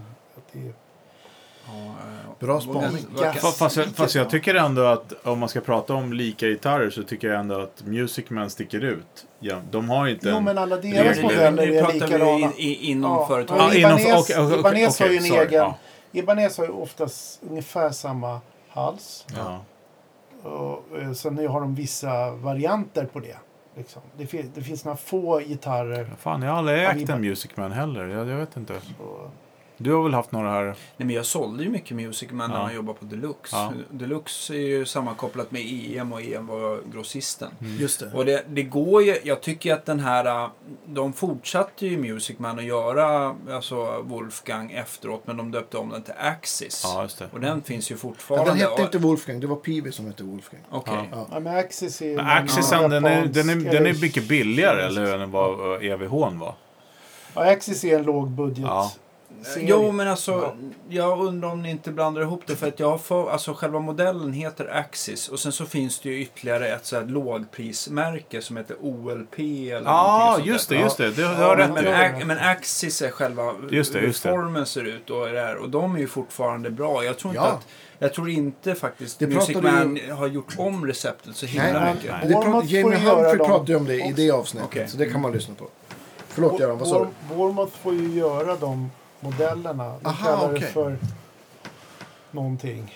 Uh, jag kommer inte ihåg exakt vad det heter. Men de, de kämpar hela tiden med att de får göra replacement eh, halsar Ja, och det. kroppar. De, där har de det bitar som ser exakt ut som de här. Ja. Men om, om, man, om man tittar förbi gitarrerna då, då för att eh, det är ju, eh, låter ju som att det är en, eh, en debatt i sig, de här olika gitarrgrejerna. Men pedaler, det är Amixer framförallt, eller hur, som har gjort eh, EVH. Ja, det är Flangen och, och Facen Det var framförallt. de Ja. han spelade med först. ja. Ja. EP, EP, eller vad heter det, Ecoplexen tror jag gjorde mycket till också. Jo, fast Precis. de, han, han har... Det, det är ingen Ecoplex-pedal då på marknaden. Nej, nej, men han körde ett Ecoplex. Ja, det är konstigt att det inte är det, tycker jag. Att det har kommit en... en... Som, Ja, för heter, att- som heter EVH. Ja, men som, ja. eh, precis som han tog fram med dem. För att med tanke på att det var en stor del av hans sound. Mm. Och att eh, vi har ju då de här andra klassiska Phaser, Flanger Ja. och hit och dit. Men att eh, det finns ingen eh, EVH. Ja, jag tror inte att de EP3. hann göra det. Nej. Att, Coolest möjligt finns. att det bara var så Mm, som det blev. Jag träffade George Overdrive och de på Ja. Dunlap. När de höll på med, eh, med Eddys grejer. Det var då de byggde den här buffern. Och Just när Dunlap plötsligt började göra Bra egna nya Ja. bra pedaler. Så hade de, det var då de började liksom att titta hur såg Eddys Facer, hur, Mm. vilken, hur är den exakt? Och så började de öppna och titta i den och flanger och så vidare. Ja. Sen så kom hela den här EP-serien av andra pedalmärken Ja. som, som gjorde det också. Så att jag tror inte att... Och det är väl Exotic som är den mest framgångsrika med EP-booster. EP-booster. Ja. Men jag tänker också, den gjorde inte Fulltone, de gjorde ju länge den här uh, Ecoplex, alltså rip-offen, alltså band-eko. Ja, fortfarande. Ja, men, De men, en jo, sån- men de gjorde väl en Solid State Ja, också de som, som borde vara mer lik liksom. Jo, ja, men jag, EP3. jag, tänker med, jag tänker med preampen bara. Ja, men då är det nog Ja. EP-boosten. Ja, precis. sådär. Och sen så eh, Vemuram. Neoplex, Vemuram. Ja, just det. Eh, exakt. Eh, Jag tycker i och för sig inte Vemuram och EP-boosten är... Alltså de är ju lite skitiga bägge två, men... EP-boosten är ju liksom inte alls lika tweakaktig. Eller, alltså, Nej, den har ju tre lägen där, internal switchen i och för sig. Ja, men Neoplexen kan väl alltid vara lite skitigare va? Ja, den kan man, den har ju en, Den har den uppe på som en steglös eh, ratt istället. Ja, precis. Men de Det finns ett test som vi kan lyssna på. Ja, exakt. Ja. Eh, men vad ska jag säga att ehm, eh, jag vet att Andreas, du är ju väldigt eh, kär i disten. Ja, den tycker jag är jättebra. Ja, Alltså, hans, alltså den 5150-pedalen. Det är Precis. High riktigt bra. gain-pedal så tycker jag den är Ja, det är Exakt. fantastisk. Det- Det är jättebra. kanske den bästa. den har ju Ja, kommit lite grann i jag skymundan tycker jag lite grann. För att, ehm, ja, den är inte med alltid när man pratar om de här. Man pratar om B, BI, BOD och de här Ja, det är från. Friedman och sådär. Ja, men precis. De är också bra. Men jag De tycker... är jätte, jättebra. Men tycker den här är är riktigt lika bra. Jag tror att den är för fel storlek. Jag, Ja, jag försöker, eh, när de frågar mig så här, ska vi vill ha någon amp in a box eh, Ja. liknande så tycker jag att den är jättebra. Det är som en förstärkarkanal, tycker Ja, jag. och det finns och, några och till den har ju den där jävla gaten också. Ja, som är klockrent. kanon. När man, Mm. Som istället för att den bara skenar iväg när man har så mycket gain. Ja. Men den är, det är det där med att det ska vara litet idag. Ja, för den är ju som en... eh, Ja, Dubbel pedal. ja liksom. dubbelpedal. Ja, fast å andra sidan kör man eh, eh, dualist och vill ha lite Ja. tyngre så kan man köra den där istället. Mm. Men Ja, jag exakt. tror att mycket så här att varför folk väljer bort Dunlop, det är för att det, är liksom, det blir lite för oexotiskt. Att det är Alltså, lite liksom- det- mass-produced. Ja, men det är lite sådär. Jag tror att folk ändå... Tycker att det är osexigt. Ja, det är jag inte tycker det jag... olika länder. Jag, ty- jag tycker vi, jag tror att eh, jag, så fort jag kommer utanför Sverige i vanliga, normala fall, Ja. Gör nu. det är så skönt att höra för att ja, det här för det, är förvånar en mig inte helt, alls. det är en helt annan grej. Att vi är jävligt bajsnödiga Ja, alltså här. åker liksom. du Ja. till, till England så är det, här är en viss style på märken som gäller. Ja. Och sen Och lite så här senare och det ska vara Nej, men lite, det ska vara, det- det ska vara lite obskyrt Det och lite svårt och Nej, lite dyrt ja, men också, det också. signatur. Alltså, USA kan jag säga, som jag har bott där och har väldigt mycket vänner där, så är det så att där är man stolt över att ha en Ja, signaturgitarr. det är så. Ja. Ja. Här tycker vi det är pinsamt. Och jag är en av dem. Jag skulle aldrig ha en signaturgitarr. Mm. Jag är ledsen. Då skulle jag hellre bygga något eget. Ja. Eh, varför skulle jag ha en gitarr som Steve Ray på på? Det tycker jag är bara Men är patetiskt. Men, men, men är i USA tycker man det är liksom Ja, så här, det, Coolt. det är en tribute och hit och dit. Och det finns, finns stora Facebookgrupper hit och dit. Jag har ju bland annat en kompis som heter Alex King som är Groom Noodlers. Ja, Nu okej. känner hela det här, han heter Rockin', vad heter? Rockin' Chippin kallas han för Okej. på nätet.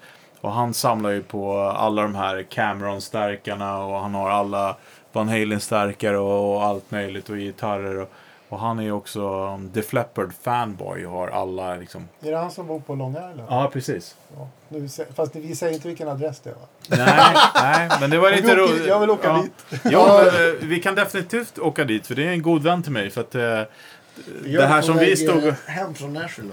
Ja, precis. Ja. Nej, men, eh, en parentes där när vi stod och höll på med min eh, Fractal Audio. Kommer du ihåg det i replokalen? Ja. Du och jag, när vi skulle få den att låta som en, en det lät riktig bra. brown-eyed Friedman.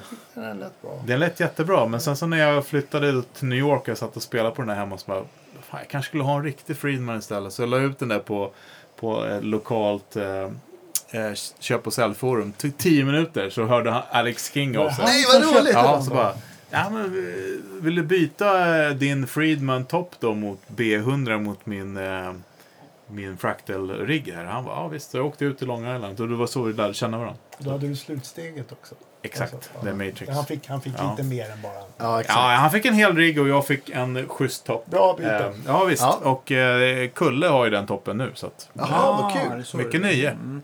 Ja. Fredrik. Ja. Han var, eh, Kulle gjorde en strålande insats på P1 här. Jag hörde det. Ja, Ja, och bara, och bara brände av Eruption i... Ja, I direktsändning. i Vad hade han med sig för rigg då undrar jag? Det är Ja, oklart. ja, han det, hade en nej, liten det, phaser-pedal med sig i varje fall och en Ja. dist. ja, han körde, han körde ju Little Hill eh, och en hade han Orson the Spell. Såklart. Och sen så körde The han... Spell, ja. Ja. Precis. Och sen så körde han, vilket eko, du vet kanske... Ja, det är MXR-ekot tror jag. Ja. Det är ju bra det där eh, komplex Sorry. ekot. Det är det han hade. Mm. Det gillar jag. Han är ju kung på att spela. Ja, Ja, ja. men han, han eh, alltså det är ju det är inte bara Fredrik, men han får gärna sitta här inne och spela med öppen dörr. Va? Mm. Just det är det. så fruktansvärt jävla bra. Ja. Så, Ja. Sen är det att han spelar ju de där grejerna som, är, som ingen kan spela. För att den här tappingprylen, den kan vi alla spela. Ja. Det kan du lära vem som helst. ja, visst. Men det är de här prylarna innan och starten och Ja, visst. Det är jobbigt alltså. Ja, Det är på jobbigt. riktigt. Och vi är så Men han- himla glada också att vi har med Kulle på våran camp här som Ja, vi visst. kör om några veckor. Det blir en fröjd. Ja. Då kanske han får lära ut alla det Det där varför Eruption- inte? solot, ja. Ja, Hur exakt. lång är campen säger du? Ja. exakt så. Folk får inte gå hem först. Nej, precis. Innan vi klarar har öppnat, det. vi har öppnat dörrarna förrän man har satt uh, Eruption. Ja, varför inte? Men, Kull, spela, men när ja. man hör Kulle spela och man får plussa an lite extra. Det, det är så här, man skulle kunna ha, man skulle kunna liksom ha bedövade öron och inte höra någonting. Man, man ser på hur han liksom beter sig och spelar att det där är, det är på en annan planet Ja. liksom. Fränt. På riktigt. Ja men det är, han, han har ju någonting Det är den liksom. där världsklassen som... Ja, exakt. Precis. Ja. Det är världsklass. Den här nivån man bara kommer till när man eh, är på gränsen till att någon hämtar en i en vit skjorta och kör iväg med en ambulans. Ja. Ja, men om ni vill lyssna på det klippet. Ja, man eh, lämnar stratosfären. precis. Ja. man vill lyssna, jag kommer inte ihåg vilken, vilken det var ju på... ehm, eh, Det är väl bara att söka i. SRs app. Kan man säkert hitta det. Ja, Eller hemsida. Ja, det måste nog gå under Van Halen eller Fredrik Åkesson som Ja, exakt. Men det var på eh, P1 i alla fall. P1 var det. Ja. Ja, men det, alla, alla pratar ju om, om Eddies... Alla, eh, alltså, vi har ju pratat jättemycket om, om alla prylar nu. Men och, han har ju haft en sån otrolig påverkan på, på prylgrejen. Det har liksom blivit lite så här förbisett för att musiken är så bländande såklart. Liksom. Mm. Men om man, om man tänker liksom ända från, ja, men från, från att han inte spelade tapping på giggen för att ge bort sitt, sitt trick och liksom ljög i, i intervjuer för att alla ville låta som honom. Liksom. Ända fram till liksom, jag menar 5150 är ju en sån här eh, go-to-förstärkare fortfarande för liksom metalproducenter runt om i hela världen. Och även liksom den- den sista- Göteborg. Ja men exakt, ja men verkligen. Så, att, så att det har ju liksom speglat av sig på, eller fortfarande är det ringa på, hans gitarrljud är fortfarande ytterst liksom, eh, eller det är fortfarande väldigt tydligt hur mycket det har påverkats. Hans, hans, vilken impact han har haft Ja, liksom. men jag, tror att, jag tror att det är en sån här gitarrist som man kommer kunna gräva i i många, många år framöver också. Precis som Jimi Hendrix. Ja men visst. Eh, Men det är inte en crossover. Jag tänker på honom, det han, verk, det han kan eller kunde ja. spela. Det han gjorde med Michael Jackson, att han spelar Beat It, Beat typ. It-solot. Att, att bara liksom göra det, att få chansen och säga ja och Ja. få göra det, det, är- det är en revolution den tiden. Det kanske Mm. man inte heller förstår hur otroligt det var. Nej, precis. Att, att han kom och spelade på en, Ja, en men det rb gör man liksom. inte. Va? Nej. Alltså det, det är Michael Jackson är, det är en sån artist som Ja. spelas på de radiostationerna. Där är ett, ett vitt rockband Ja, som exakt. spelar. Men var inte den historien också lite grann att han blev liksom... Det var lite så här som han gjorde Quincy Jones som var producent på den plattan en tjänst lite grann. Det var ju som att Michael kom in när det redan var typ de höll på att lägga det eller det var lagt bara. Åh, jag gillar det här. Jag kommer ihåg, så- så jag, jag kommer ihåg i Guitar World, där de, eh, jag måste ha Guitar World, som var så här tecknad sida. Med en så här tecknad serie Ja, om hur hela det där gick till. Kommer Ja. du ihåg det? Jajamän. Ja. Där han bara Who the fuck is this? Liksom när han ringde. Hi man, it's Quincy. Ja, bara. Quincy, who the fuck? Och så la på luren. Ja, visst. Eh, ja, nej, men, men absolut. Men storyn var väl att, att, att deras telefonnummer, han var ju gift med en känd skådis. Eh, Ja. och, och att deras telefonnummer hela tiden läckte ut till Ja. liksom skvallerpressen. Ja, så det ringde folk hela tiden. Han trodde inte att det var han. Nej, så att han bara, bara s- var arg för att det ringde någon som han inte Men jag- visste jag-. Men han kunde jag- lika bra sagt nej. Va? Det kunde Ja, ha varit fast- någon manager som hade Fast, sagt... nej, fast han skulle aldrig göra göra det. För Nej, att, men visst. för att det som är Van Halen och det som vi måste ändå på något sätt eh, lyfta och eh, fira på något sätt.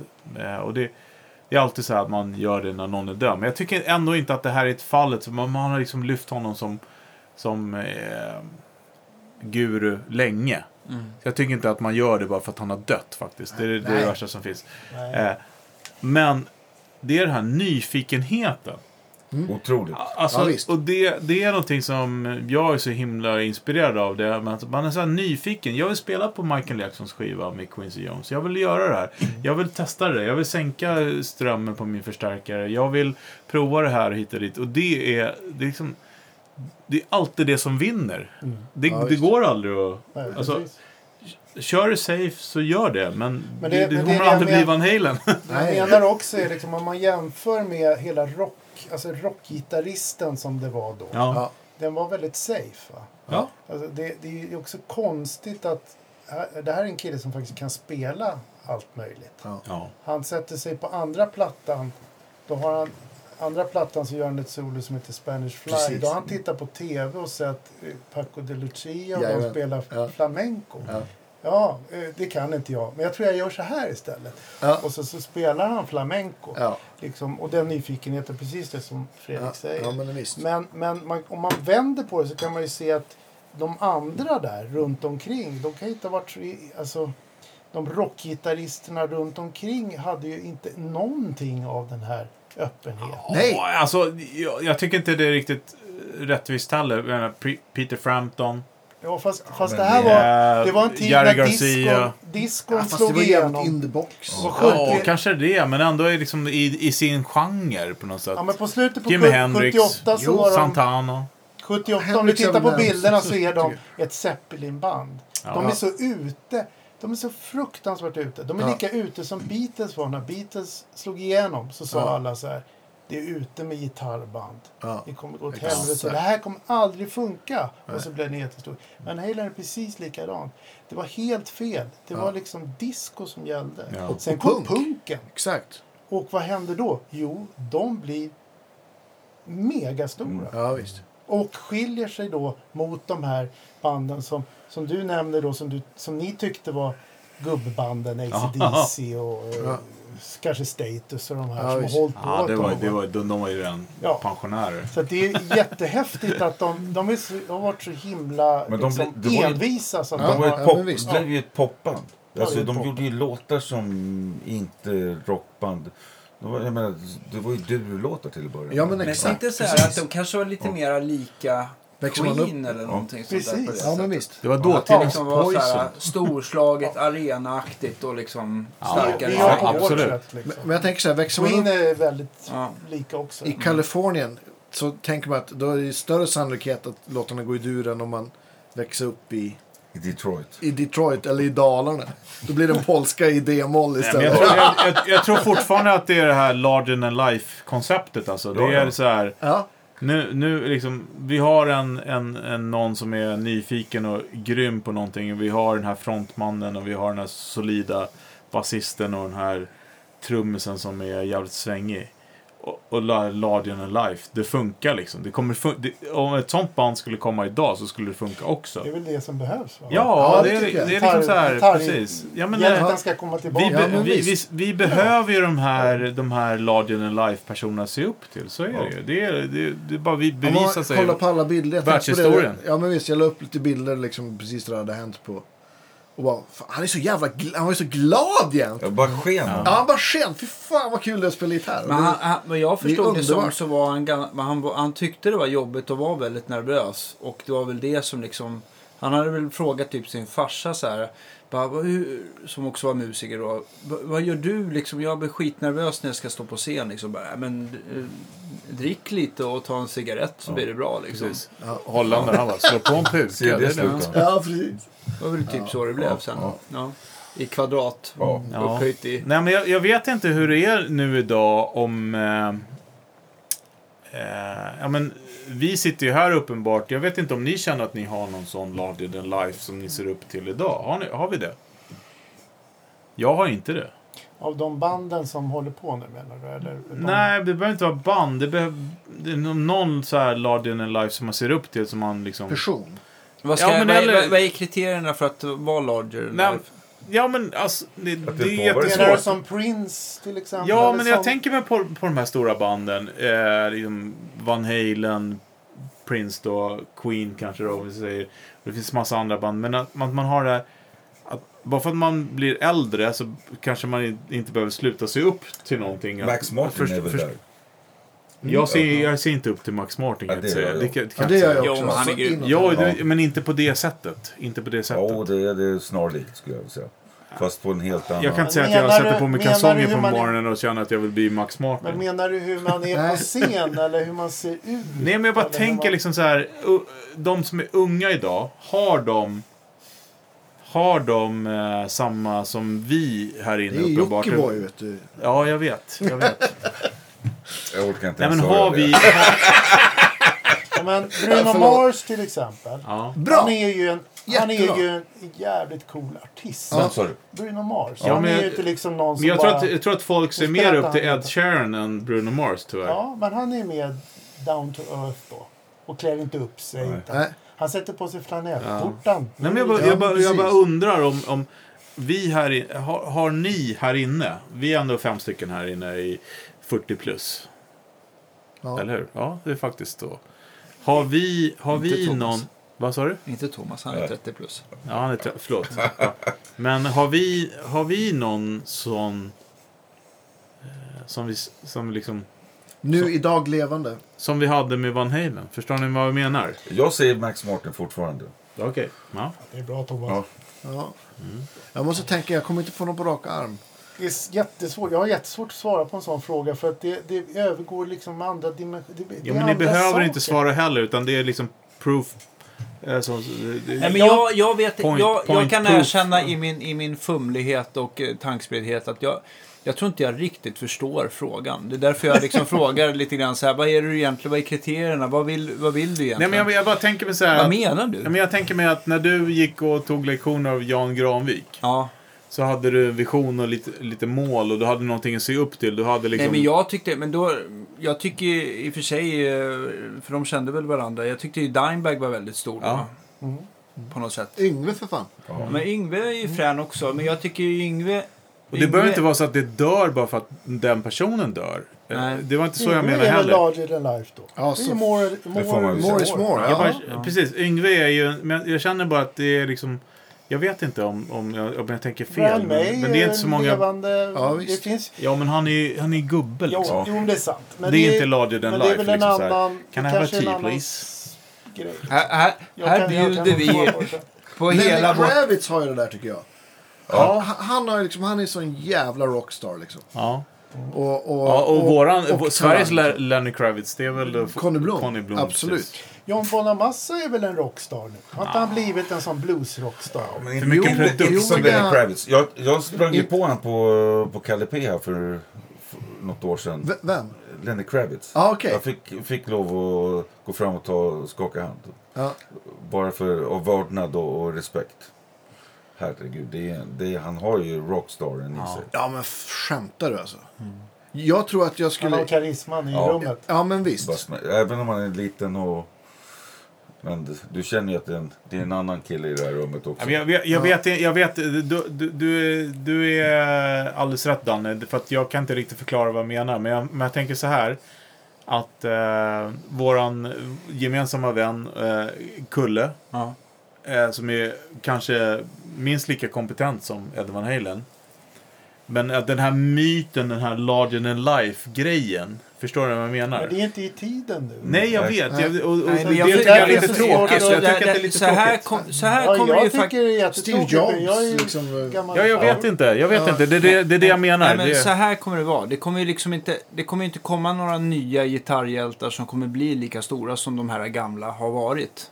Eller är fortfarande.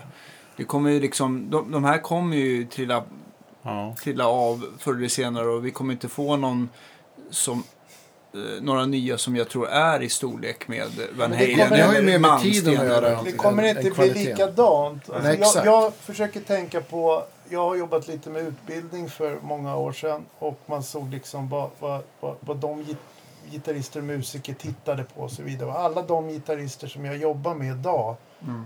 som jag bygger grejer åt, de har ju andra ideal. Alltså det är, ju- det är helt andra parametrar som gäller. Det är andra uttryck också. Det är Eh, helt annorlunda det. Ja. Alltså det, det, som, det som var viktigt för, för mig när jag var i deras ålder och det vi skulle spela och det som Ja. Thomas då säkert. Liksom, det var ju ett helt annat sätt att spela, låta och göra och uppföra sig. Idag är det helt andra parametrar. Sen behöver man inte diskutera om det är bra eller dåligt eller och det är skillnad och så vidare. Men, men den stora skillnaden med showmanshipet idag är ju Ja. liksom att det här larger than life är bara, det är Lady Gaga, det är de här stora Pink. popartisterna som ställer sig över fansen och är glittrigare och större och ballare. Men jag lyssnade, jag lyssnade på... Är ju då... Nej, men Ja, precis. jag lyssnade på No, no Guitar Safe Ja. senaste. Det, då är det Erik Steckel. Vet du vem han Nej. Nej. Och nu ska jag säga det som han själv hatar. Han är en in, Instagram-gitarrist.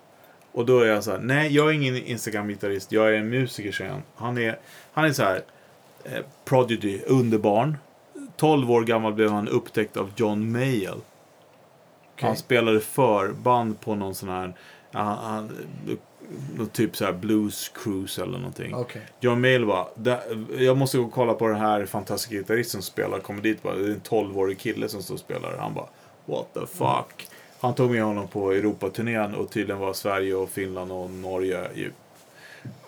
Han, han, är, han, han ser ut som Wolverine. Han spelar Nags gitarr så han har otroligt sån här guitarface när han spelar. Ja. Jävla ställ. Sj- Sjukt bra gitarrist. Um, Hur varför gammal är han nu? Va, han gjort han är skivor? 30 bast. Ja. Han är 30 bast. Ehm, men han kommer liksom så här. Han berättar en incident då när han liksom så här, kommer till John Mayall då som är liksom the blue, alltså, alltså Bluesbreakers original. Eh, och han har en grön strata till från 60-talet som typ alla kändisar som finns har skrivit på. Alla gitarr, gitarrister. Jimi Hendrix. Och Eric Steckel då får skriva sin autograf bredvid Jimi Hendrix. Liksom. Förstår du? Då, då, då känns det så här. Okej, då har han kanske förstått någonting som vi andra inte har förstått. Eller, eller så kommer han bli lika stor. Eller så kommer Pratar du om mail eller steckel? Steckel. Eller nej, Okej. Mail har förstått någonting som, som inte vi har förstått. Eftersom vi, Steckel är inte så stor som han är. ö- Som, uppenbart. Men han har ändå fått skriva sitt namn bredvid fucking Jimi Hendrix på en gitarr. Där liksom Jimmy Page, alla de här stora kända grejerna. Men frågan är om han kommer då bli lika stor som de andra namnen på den där Då gitarren. måste han ju göra Aldrig. intressant musik, annars kommer han aldrig bli Nej. Nej, precis. Det är Och det, som är inte. Van Halens eh, unika kombo. Ja. Ja. Att de gjorde de här låtarna. Hendrix som, också. Ja, Ja, exakt. Ja, men jag, tror, jag tror då att det inte är Eddie som... Alltså han, hjälpen han fick av de andra runt omkring är jätteviktig. Ja. Ja. Det Eller det är helt avgörande. Men det är lite grann precis ja, det som man... Man kan känna igen Van Halen och Queen också i flera aspekter. Att det kan vara så här bländande gitarrspel. Men det blir aldrig too much liksom. Det är Nej. alltid så här när gitarrsolot är slut så bara... Vad fan? Vad händer? Är det redan slut för att man vill ha mer? Ja. Och det är, liksom, det är fortfarande låtar och bra produktion. Det är inte liksom bara så här att det är liksom... Att det, att det är liksom... Inget ont om Steve Ray Vaughan, men det här är i alla fall ett typiskt exempel. Det är två verser och sen så är det är liksom många chorus med gitarrsolon Ja. som han gör i och för sig briljant. Det är en annan musikgenre. Men det, är liksom inte, det blir liksom inte låtar på samma Nej. sätt. Van Halen är liksom låtar Ja. och man bara så här, det, bara, det var någonting som rasslade till och skakade om en och sen så är det liksom nästa... fan var det som hände? Ja. D- därav kanske att, eh, som du säger, att det är, är helt enkelt eh, Max Martin. Ja. Så. Jag tror det. Men Ja. alltså det, man, men, Det man får ju påminna sig då att man ska ju fråga dem som man träffar på nu som är mycket, mycket yngre än en själv. Som kommer med sin gitarr. Så varför spelar du gitarr? Mm. För att det är ju också en, en, väldigt, en, en väldigt ung generation som börjar plocka upp Zeppelin och det igen. Alltså det har Ja. gått varvet runt nu. Ja. Det finns ett mitt, mittenskikt som Jag kanske skulle är mer att det gått intresserad av att skriva Två, låtar. det, det är inne på andra varvet. Ja. Fjärde Alltså, kanske. är, nu, ja, för jag började börjar tänka på lyssna på. Greta, Greta Van Fleet och de där. Men Ja. det är, det, är det ytterligare en sväng under dem nu, eller? Jag tänker på Nej, de som men- spelar, de som de plockar som upp gitarren ja. igen. Ja. Lyssnar på Zeppelins plattor. Annars är det så här Rival Sons och eh, Von Fleet och de där som har fått liksom kört Zeppelin-stilen. Men jag, jag tror inte att, jag tror inte att gitarristerna idag börjar lyssna på Zeppelin på grund av gitarren. Jag tror att det är låtarna. p- Faktiskt. Och att man liksom så här. Det är gitarrbaserad musik men att det är. Det är så jävla bra medan då de här avarterna, Rival Sons, det är så här. Ja, the best of riffen liksom. Ja. Jag älskar ju Rival Sons och Greta Van Fleet tycker jag är. Då lyssnar jag hellre på, på Zeppelin. Zeppelin, Ja, faktiskt. Men, men jag, jag tror... Jag, jag tycker det är jätteintressant om man tittar med musikhistoriskt sådär och om man tittar Mm. då, om vi pratar om Van Halen. Trender då, saker som Ja. kommer igen. Men alltså när folk säger så här nu, nu, nu kommer det aldrig komma något mer. Det här är ju helt värdelöst. Man håller, Tack, tack. bara skaka på Ja. huvudet. Ja. Det är oftast då det händer någonting. Ja, Och det, det är bara att titta bak musikhistoriskt på allting Mm. som... Alltså det, det är ju inte kanske någonting nytt som behöver komma. För det är bara ett, ett nytt sätt att, att approacha ja men exakt. si- sin, För man, musik. får man titta på, om man gör det förenklare så är, är ju Van Halen en reinkarnation på Aerosmith i, för sin tid, tycker jag. Ja, Eh, och de var väl kanske en reinkarnation på Stones. Stones. exakt. Och, Jag menar, den första Van Halen som jag sa, Ja. det är, är Zeppelin. Det är alltså, Ja, det han ser ja. ut som, som Robert Plant, han har sådana kläder, han skriker så, han har den sk- öppen skjorta Ja, och visst. hela grejen. De är ju fast i sina idoler där. Det är 70-tal. Ja, Vad ska vi göra? Ja. Men sen tittar man bara några år framåt så är det liksom helt galna eh, hängselbyxor Ja, och randiga Ja. eh, gitarrer. Ja, ja, och, och då har de liksom släppt allt det där. Ja, Det, Det är är, sant. jättespännande. då är de ju 80-tal liksom. Ja, men då har de skapat någonting eget då. Mm, om man precis. ska formulera på det på sånt sätt. Men, men alltså, hela Sunset-traditionen kom ju det bandet. Med, med Poison och allt Ja, visst. Rat. Ja. Jag tänkte på en annan grej som jag tyckte vi skrapade lite på men, men inte pratade om. Det var eh, just de här eh, slitningarna för David Lee Roth och, eh, och Van Halen gick väl inte alltid ihop vad jag förstår. Nej, jag tror inte att jag tror att det var en jättestor slitning. Jag tror att det, var, jag tror att det är hela grejen. Mm. Jag tror att det, Att det blev så bra. ja, det, och det går ju också igen i en massa andra band. Mm. Så det behövs den här... Hade de fått bestämma så hade det låtit som Black Sabbath. Kolla vilket tungt riff här. Det här Ja, är tungt. Det här är häftigt. Ja. Nej, det, kolla här. Al Jolson. Kolla, vi dansar så här med Precis. vita handskar. Ja. Alltså, det är massa grejer som händer live som de gör som, som David kom på att de skulle göra. Mm. Las Vegas-viben. Ja. ja, exakt. Och det, Showen. därför blev det då som det funkar. Ja. Liksom. Så att eh, den kombinationen går igen med Page Plant. Ja, det är liksom eh, ultimat Freddie underhållning Freddie. Mercury och, och Ja. Ja, Eftersom jag jobbar ju med eh, gjort tv-produktion i hela mitt liv. Och en del säger att det här har varit en fantastisk produktion och alltid gått så enkelt. Det är ju ofta synonymt med att det inte blir Att det är riktigt bra. tråkigt. Nej, det blir inte, det blir inte bra. Alltså en, en, en plågsam inspelning är ofta med slitningar är ju oftast eh, något som ger ett bättre resultat. ja, håller med. Eh, Jag, jag har också jag proddat plattor som har varit så. Där man har gjort, man har gjort en platta med, med bandet och det, man har boxats. Ja. Och sen så säger jag, men nästa platta ska vi jobba. Då, nu är det skönt för att nu, nu har vi en ny gitarrist och Ja. nu tycker vi likadant Mm. allihopa. Så här. Det var så mysig stämning i Ja. studion. Ja. Den plattan hände ingenting. Nej. Exakt. Det är ju, det, det, alltså att ACDCs tre bästa plattor är gjorda av en nitisk perfektionist. som förmodligen sa åt dem hur de skulle göra och de bara hatar honom. De förmodligen. honom, du vet. Ja. Och, liksom, och det var Vilka tre plattor jobba. pratar vi om? Alltså Highway to Hell, Back in Black och For Those About to Rock. Ja. Det är de bästa. Och, Vilken tur att de gjorde dem. ja men eller hur. Och, Och, och, Matt Lang. Är ju ett, är ju ett nazist, höll jag på att Ja, säga. ja men visst. Han, han är liksom, jag såg någon intervju med, med Brent Mason där han Fascist alltså. spelade... Ja, Han, förlåt. Det var... Eh, Ja, men ursäkta. där han och jag har den ingen haft- belägg för det Ja, jag sa. Ja, Ja, men där, han och den Huff spelade liksom var, satt på varsin gitarrstol för någon uh, Shania Twain-platta. Och Brent Mason sa att han, han var liksom så här nära att kasta gitarren i väggen. Han bara reste sig upp och stormade ut. För han var så förbannad. För han kunde liksom inte... ja, vet, han ville ha någon viss accent på ett uppslag. Och förmodligen var han ju så med ACDC också. Ja. Eh, på sin härliga accent som jag inte kan härma. Kan, ni, kan du spela det där fast kan du göra lite mer så här på den här tredje gången du spelar G? Skulle det vara förändrad om du spelar lite mer så här. Vet. Och de bara You fucking cunt, sa de förmodligen tio gånger i timmen liksom. Ja. Men det, Sen, sen alltså. Ja, Flickor och Switch är ju frän, men det, är en, det, går inte, det går inte att jämföra med For Those jämföra. About to Rock. Liksom. Så Ja, jag tror absolut att det behövs den här friktionsgrejen. För att det ska... Jag, jag har ju lyssnat eh, eh, väldigt mycket på Back in Black där, men eh, herregud, det finns ju... Det finns ju liksom, alla spår är verkligen svinbra. Det är inte... Det är på Highway to Hell också. Ja. Ja. Och For Those About to Ja. Rock. Och det är de tre plattorna som har det. ja. Du- Ja, men allt han gjorde med, alltså han är ju ett geni. Verkligen. Han är ju facilitator, det är ju det. Han Ja, faciliterar ju dem att göra sitt bästa. Han, Def Leppard var ju något helt annat. Det var, inte, Ja. var inga slarvprodukter kan Nej. man säga. Han gjorde City Boy innan också. Det är inte heller så dåligt. Men jag, jag tänkte på, på det här avsnittet nu som vi spelar in när vi minns Van Halen.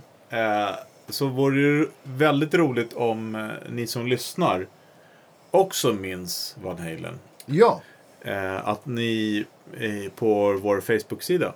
posta klipp, minnen. Ja, ja, precis. Det, vi gör en tråd så minns vi ihop med det här avsnittet när vi lanserar det. Så minns vi Van Halen. Så får ni jättegärna starta en tråd som vi hoppas aldrig dör helt enkelt. Ja, men visst. Att vi håller liv i den här fantastiska eh, inspirationen, källan eh, och eh, personen. Ja, jag kom på, jag, förlåt, jag kom på en gear-relaterad sak som... Eh, han, ja, han hade ju signatursträngar också, Eddie. Och det var Ah. faktiskt 09 till 40, inte till 42. ja, någon lite för det. Ja, precis. Ja, du sa säkert det förut.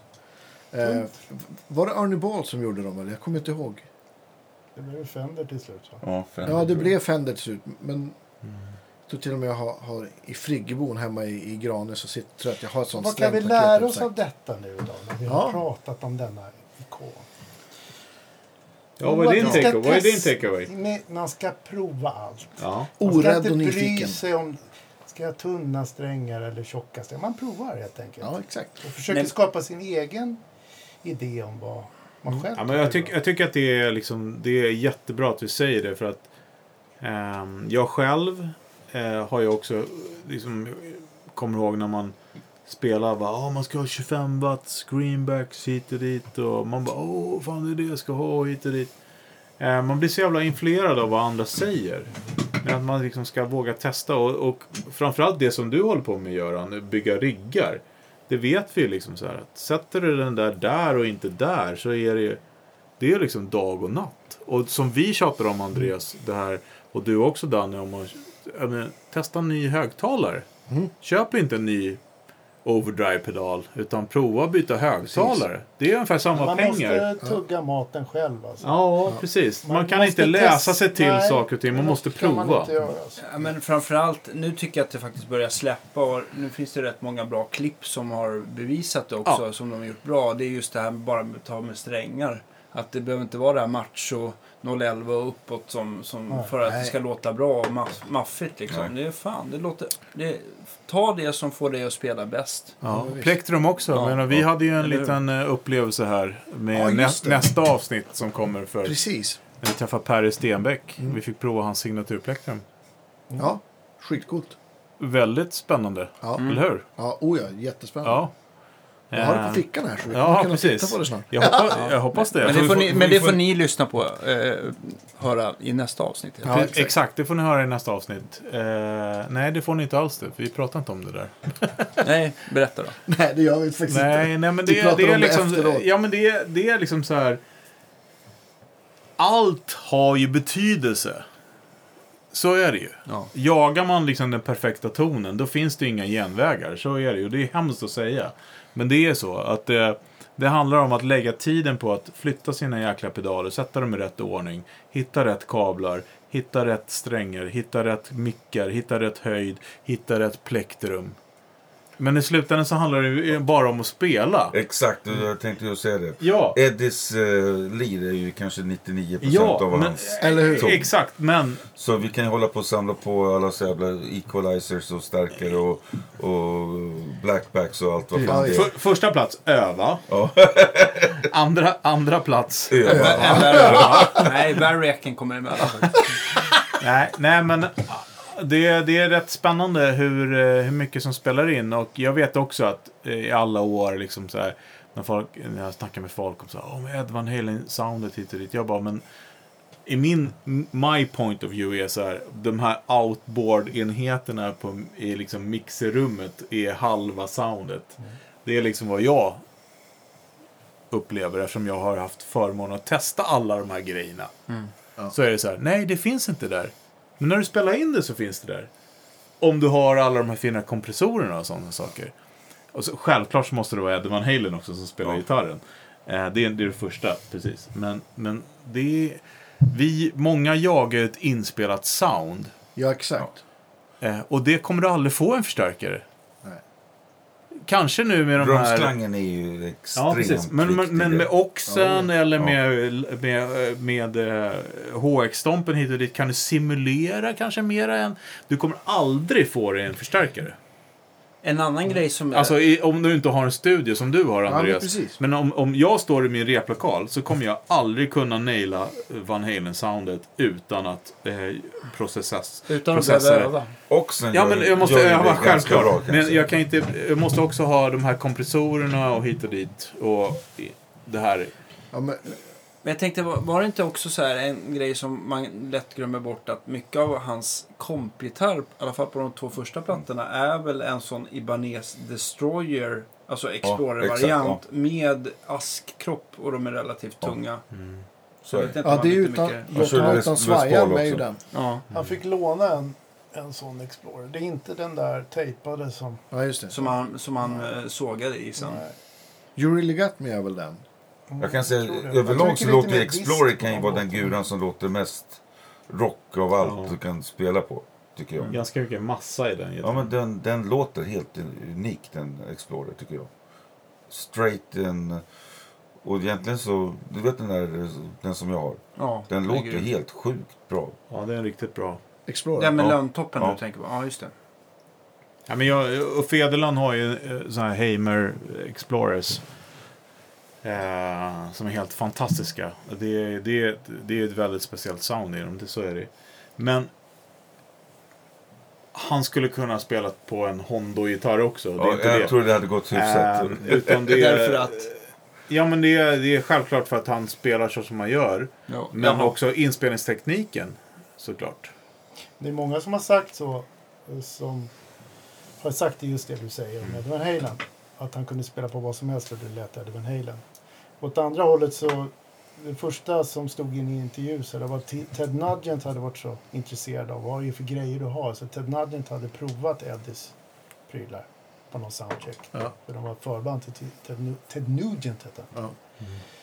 Och det lät ju Ted Nugent såklart. ja, såklart. Så, att, eh, så är det väl.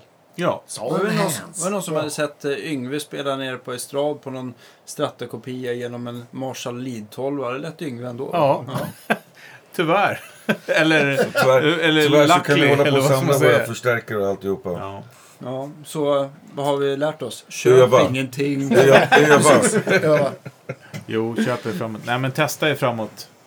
Men eh, framförallt så, så vill vi ju hylla eh, Eddie Van Halen som har betytt väldigt mycket för eh, alla oss här i alla fall. ja, ja verkligen. På ett eller annat sätt.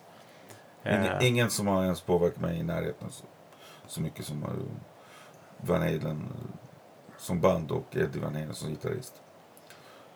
Instämmer. Mm. Jag, och jag tror inte att det är slut heller. Jag tror att han kommer fortsätta göra det. Precis som Jimi Hendrix. 100 procent. Eh, de, är, de är likvärdiga på den skalan, skulle jag säga. Och eh, det handlar om också att vi som kan, kan föra det vidare. Exakt. Prata om det och referera till det och, och spela det och hitta dit. Om inte radiospelare. Det har Eh, varit mycket Van Halen de sista dagarna, men Ja, Ja. men det, det, så ska det vara en vanlig dag. tycker jag. Vilka bra dagar det Men, är men är, inte, är inte alla här inne rörande överens om att man är lite sugen på att köpa någon stripad gitarr just nu? Såklart. Varför ha en? Ja. Ja, du har en Thomas. Nej, jag har ingen. Det, det, det, Ja, ingen av oss har den, eller hur? Är. Ja, ingen av exakt. oss har det. det, är, det Ja, du har en stripad pedal i alla fall va? Och-. Ja, du har skorna. Ja, jag har Ja, skorna. du ser. Ja. Mm. Ja. Mm. Ja, Ja. en Dagen, till ära. Men eh, är det så att vi ska säga ehm, tack Eddie för allt och, Ja, eh, och att vi bansar ut nu lite grann. Jajamän. Ja. Som vårt Ja. extra insatta avsnitt. Ja. Ja. Tusen tack Erik. Och vi får ändå, Tack, Eddie. vi får ändå passa på också att tacka våra Patreons och, Ja. och, och de som gör det här möjligt för oss. Och tack Thomas. Västerås, Ja. Van Halen. Det är jag som ska tacka. Ja, vi ska göra ett avsnitt med dig också. när Vi ska Absolut. få prata om eh, Floyd. Rose-historierna med mera. Rockman. Och, eh, Det vill man höra. Tack så mycket Rockman, eh, Göran också, Älvsjös Van Halen. Tack själv. Som Ja. också ska återkomma givetvis. Absolut. Med, eh, eh, Ständigt aktuell. Sound of Silence. Ja. Nej, men du är ju lite med hela tiden när vi pratar. Det är, Du är ständigt aktuell. Tackar. Ja. Kul att vi kunde få ihop det här med så kort varsel. Ja, men Alla visst. kunde Ja. vara med Mm. också. Ja, men det här var viktigt, Ja. kände vi. Ja, Oh ja. det var viktigt. Barnen fick eh, leka själva. Har du låst in dem där? Ja, Med din cykel? precis. Jag babblar. Tack hörni. Ha det bra. Hej.